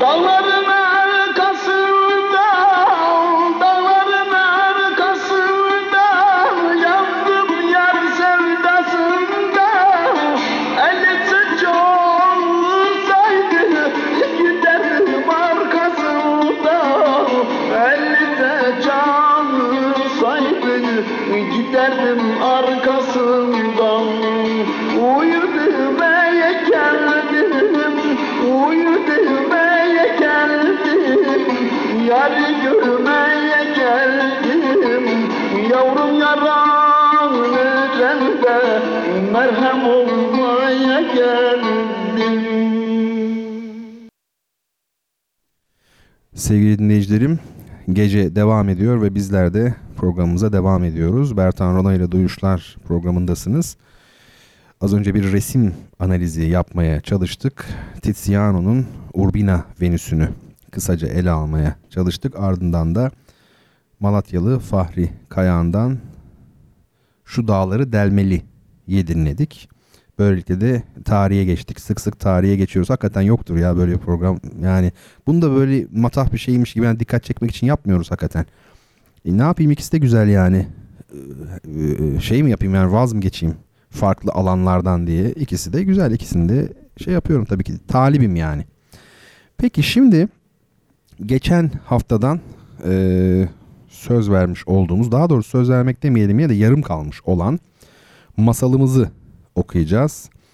Ee, sırf bu masal için uykusuz bir şekilde Duyuşlar programını bekleyen insanlar var. Ee, Ayşegül Hanım ses seda çıkmıyor. Herhalde az önceki o haş haş haş e, parçasında uyuyakalmış olabilir. İşin şakası tabii bu. Hans Christian Andersen, Danimarkalı ünlü masal üstadı. Onun efendim Melek adlı çok güzel bir şeyi vardır. Masalı vardır. Ee, onu sizlere okumaya çalışacağım.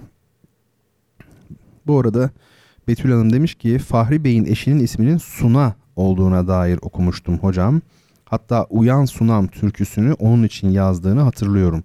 Sanki Uyan Sunam türküsünün hikayesinin Fahri Kayan'la bir ilgisi var ama ben tam olarak öyle hatırlamıyorum. Bakmak lazım tabii ki. Olabilir, o da olabilir. Ama hani ben bir bunu ciddi bir yerden aldım. Hani size az önce bahsettim ya eşi Fahriye Hanım diye. Belki ikinci eşimi tabii o kısmını bilmiyorum açıkçası. Efendim masalımıza gelelim. Melek. İyi kalpli bir çocuk öldüğünde cennetten yeryüzüne bir melek inip onu kollarına alır. Büyük beyaz kanatlarını açar. Çocuğun sağken sevdiği yerlerin üstünden uçarak onu cennete götürür. Yol boyunca bir demet çiçek toplayıp onları da Tanrı'nın katına çıkarır. O çiçekler cennet bahçesinde yeryüzündekinden daha da güzel açacaklardır. Ulu Tanrı o çiçekleri bağrına basar ama en beğendiği çiçeği öper. O zaman o çiçek dile gelir, melekler korosuna katılıp Tanrı'yı övmeye başlar. Ölmüş bir çocuğu cennete götüren bir melek bunları anlatıyor. Çocuk da anlatılanları düşteymiş gibi dinliyordu. Küçük çocuğun sağken oynadığı yerlerin üstünden uçan melek, güzel çiçeklerin bulunduğu bahçelerin içinden geçerken bunların hangilerini götürüp cennet bahçesine dikelim diye sordu. Bahçede incecik güzel bir gül ağacı da vardı. Ama kötü bir el gövdesini kırmıştı. Yarı açılmış tomurcuklarla dolu solgun dalları yere sarkıyordu. Çocuk, zavallı gül ağacı dedi. Onu da alalım. Belki cennet bahçesinde çiçek açar. Melek gül ağacını alıp çocuğu öptü. Çocuk gözlerini araladı. Gösterişli çiçeklerden de biraz topladılar ama küçümsenen kadife çiçekleri ile hercai menekşelerden de aldılar. Çocuk işte artık yeterince çiçeğimiz var deyince melek başıyla onayladı. Ama hep yukarıya Tanrı katına uçmadılar. Gece bastırmıştı ortalık sessizdi. Melek kollarının arasındaki çocukla büyük kentin üstünden uçuyordu. En dar sokaklardan birinde saman, kül, süprüntü yığınları gördüler. O gün birileri evlerinden taşınmıştı. Ortalıkta kırık tabaklar, sıva parçaları, paçavralar, eski şapkalar vardı. Hiç de iç açıcı bir görünüş değildi. Melek süprüntülerin arasındaki kırılmış bir saksının parçalarını parmağıyla gösterdi.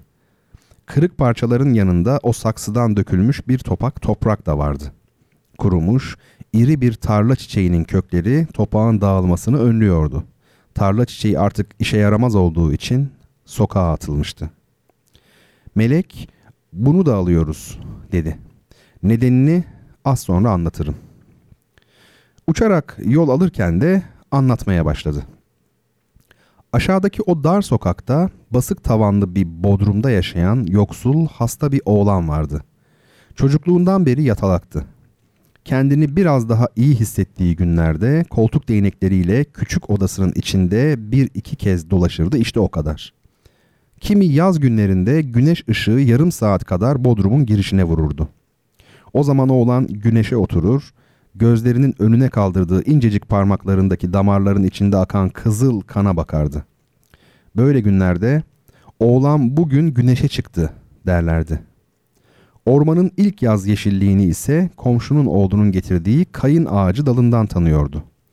O dalı kaldırıp başının üstünde tutmuş, kendisini güneşin, öten kuşların olduğu yerde kayın ağaçlarının altında düşlemişti.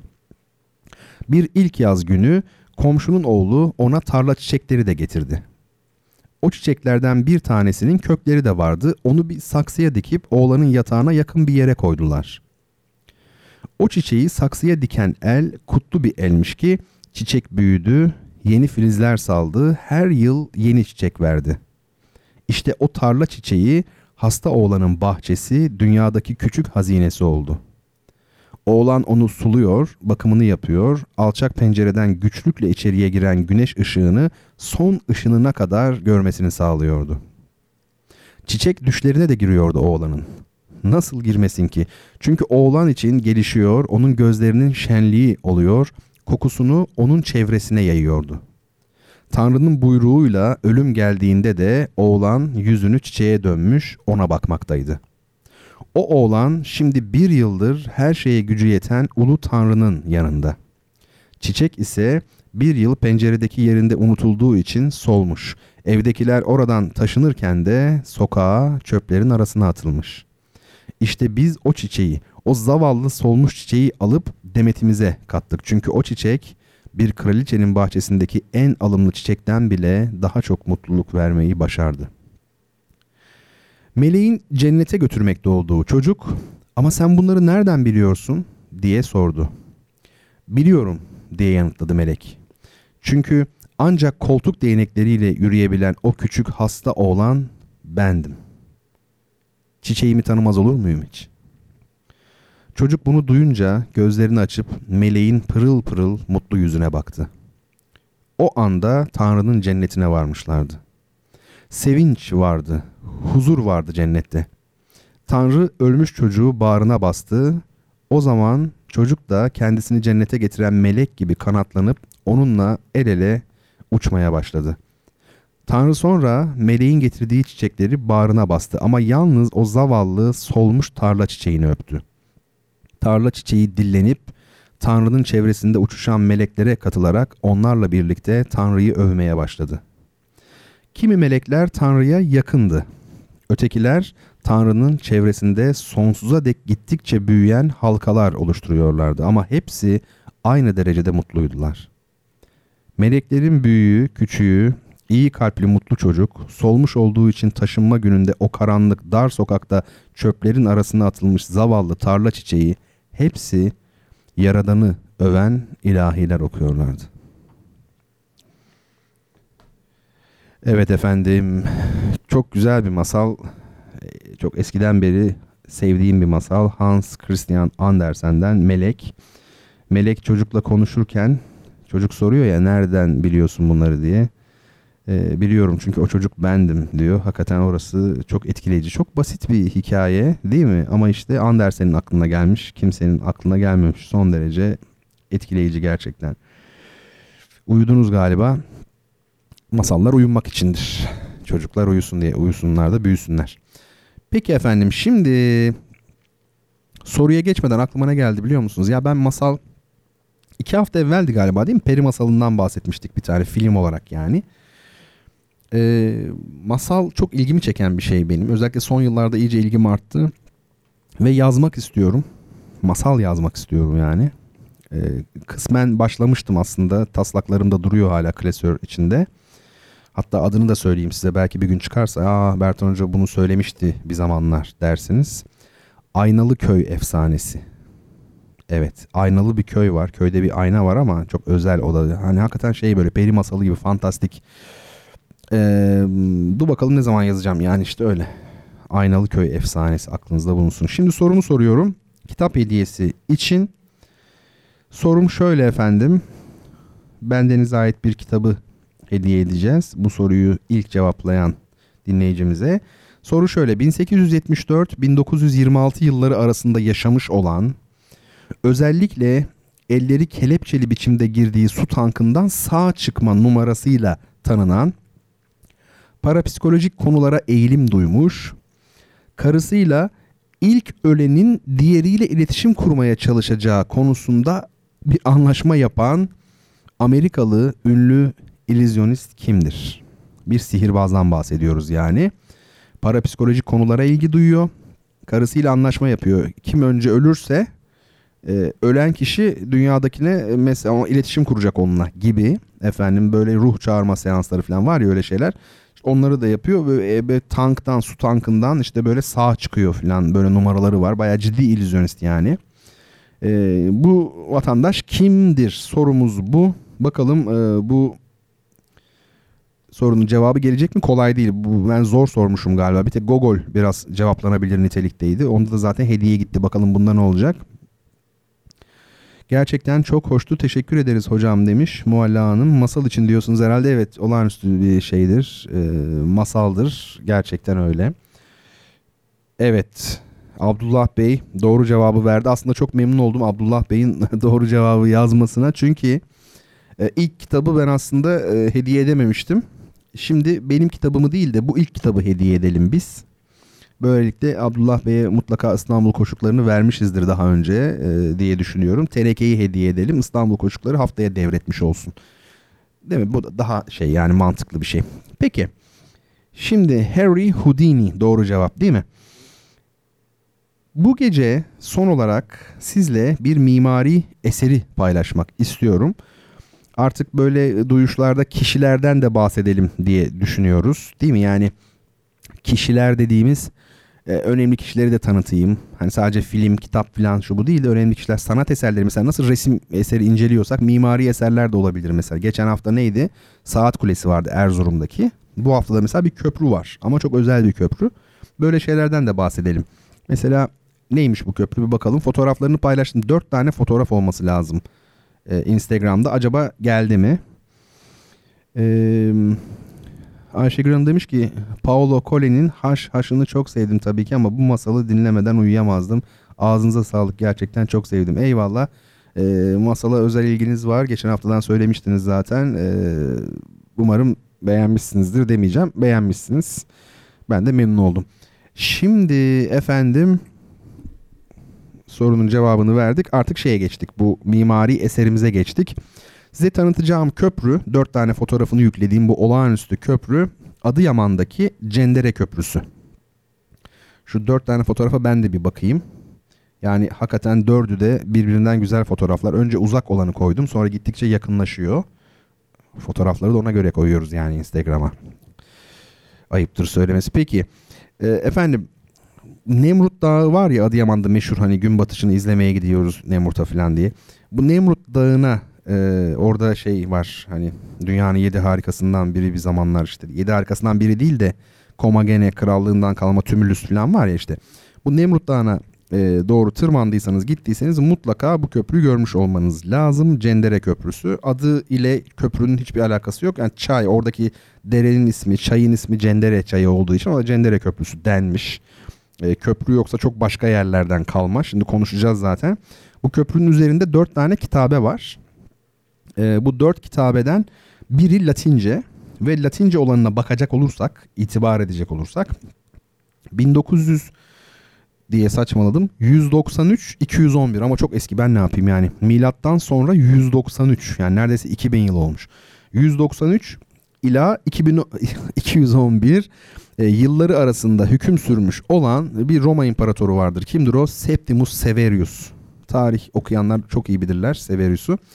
E, bu köprüyü Severius yaptırmış. Kim için yaptırmış biliyor musunuz? Karısı Julia Donna için yaptırmış ve oğulları Karakalla ile Getta'ya adamış. Bunlar için yaptım. Onlara ithaf etmiş. Karakalla zaten Roma tarihindeki çok önemli e, Sezarlardan, imparatorlardan biridir.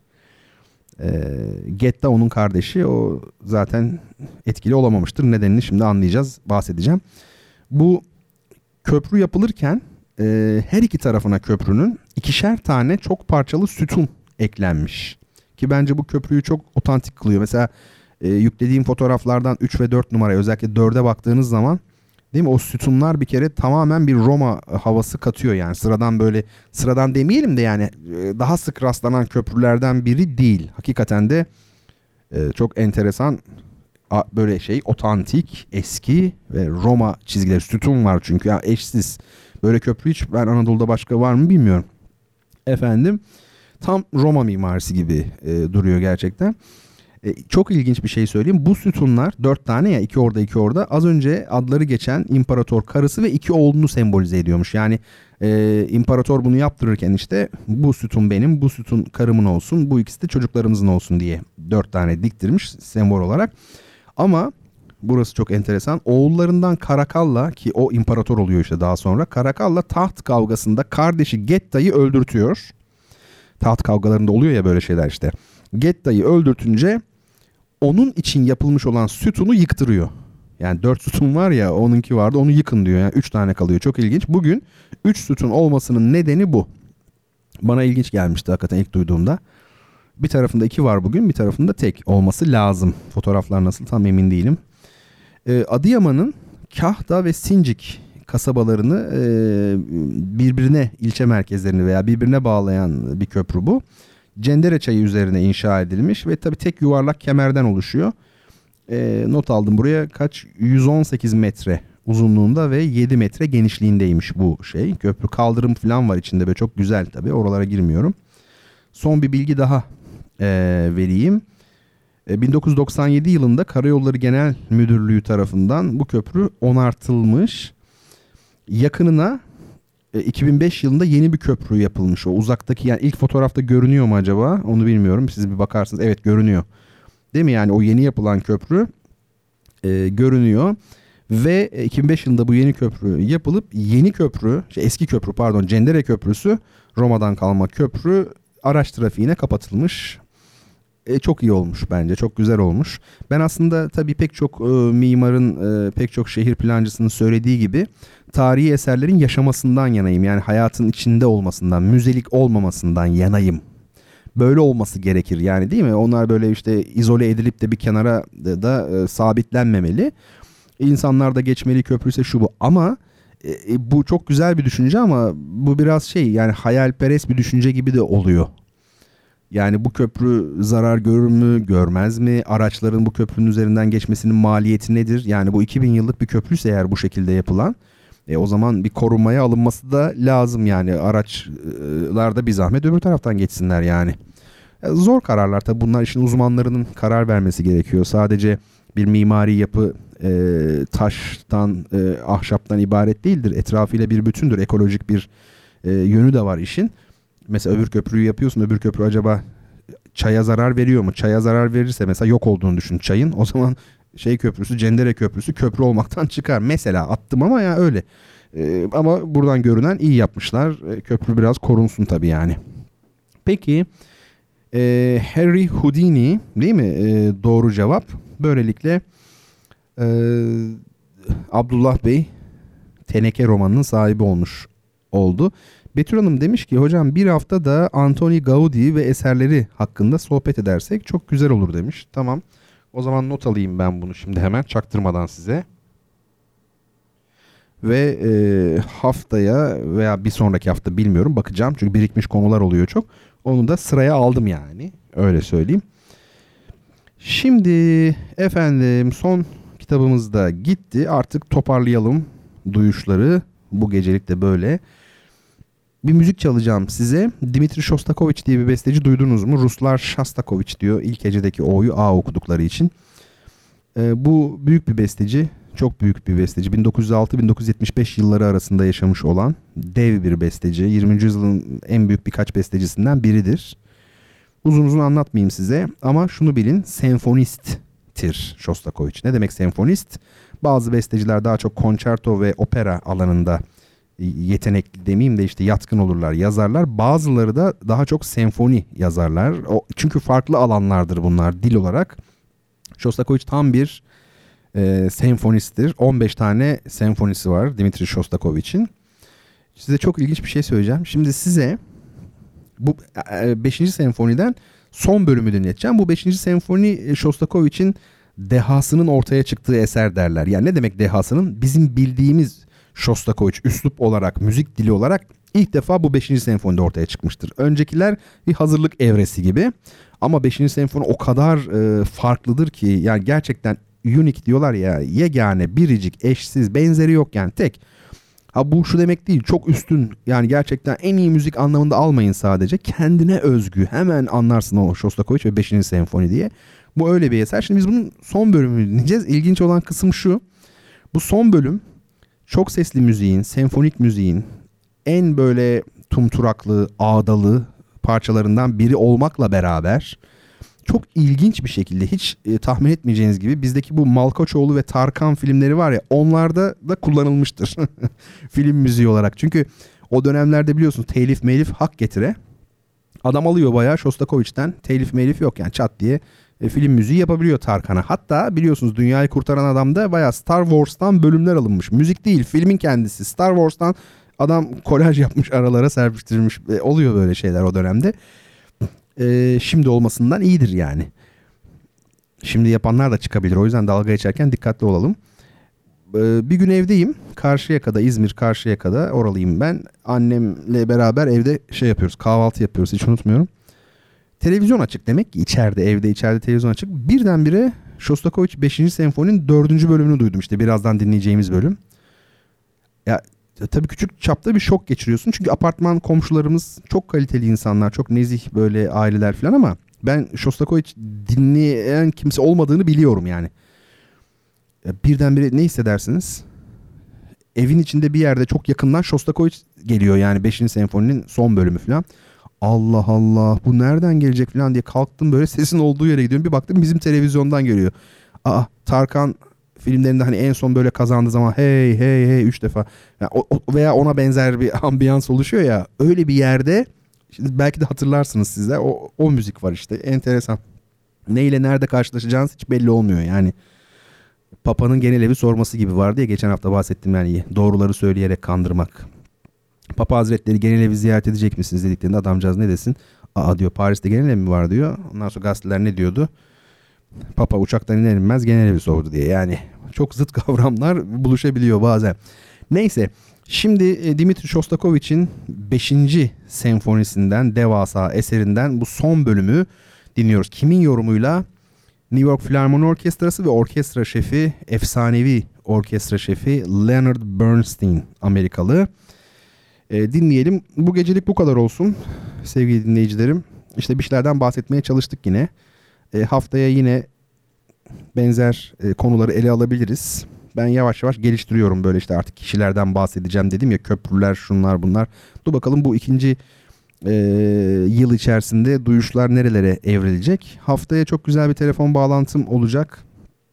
Geleneksel sanatlarımızın birinde çok usta bir ismi konuk etmek istiyorum. Aslında bu bölümde alacaktım onu ama bir e, sıkıntı oldu. Görüşemedik doğru düzgün. Onu inşallah haftaya e, alacağım. Sizlerin soruları olursa bana önerileri soruları, eleştirileri lütfen yazın. bertanrona.gmail.com'a yazın. Genelde mail konusunda fena değilim yani cevap vermeye çalışıyorum. Bazen gecikir mesela 5 günü bulur 7 günü bulur ama mutlaka yazarım yani bir şekilde. Ee, böyle işte yani düşüncelerinizi yazabilirsiniz. Bu programda bundan sonra şunları da yapalım diye orijinal fikir varsa mesela o da olabilir. Falan filan. Peki efendim hepinizi hürmet ve muhabbetle ben kucaklayayım. Bu gecelik böyle olsun. Haftaya da e, görüşmek üzere diyelim. Esen kalın. Bertan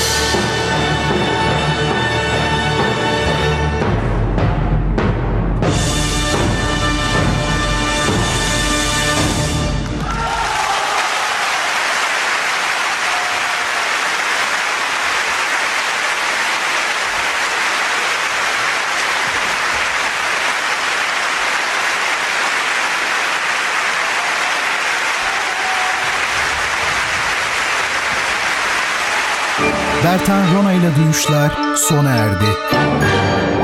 Bu program hakkındaki düşüncelerinizi dinleyen et radyogercek.com adresine mail atarak bize ulaştırabilirsiniz. Dinlemiş olduğunuz programda ürün yerleştirme yapılmıştır. Kavuşur iki sevgili Türk müziğinin güçlü yorumcusu Dilek Türkan'ın 3. solo albümü An çıktı. İki yıllık titiz bir çalışmanın eseri olan albümde 1918 ve 2018 isimleri altında iki ayrı CD olarak hazırlanan çalışma toplam 26 şarkıdan oluşuyor.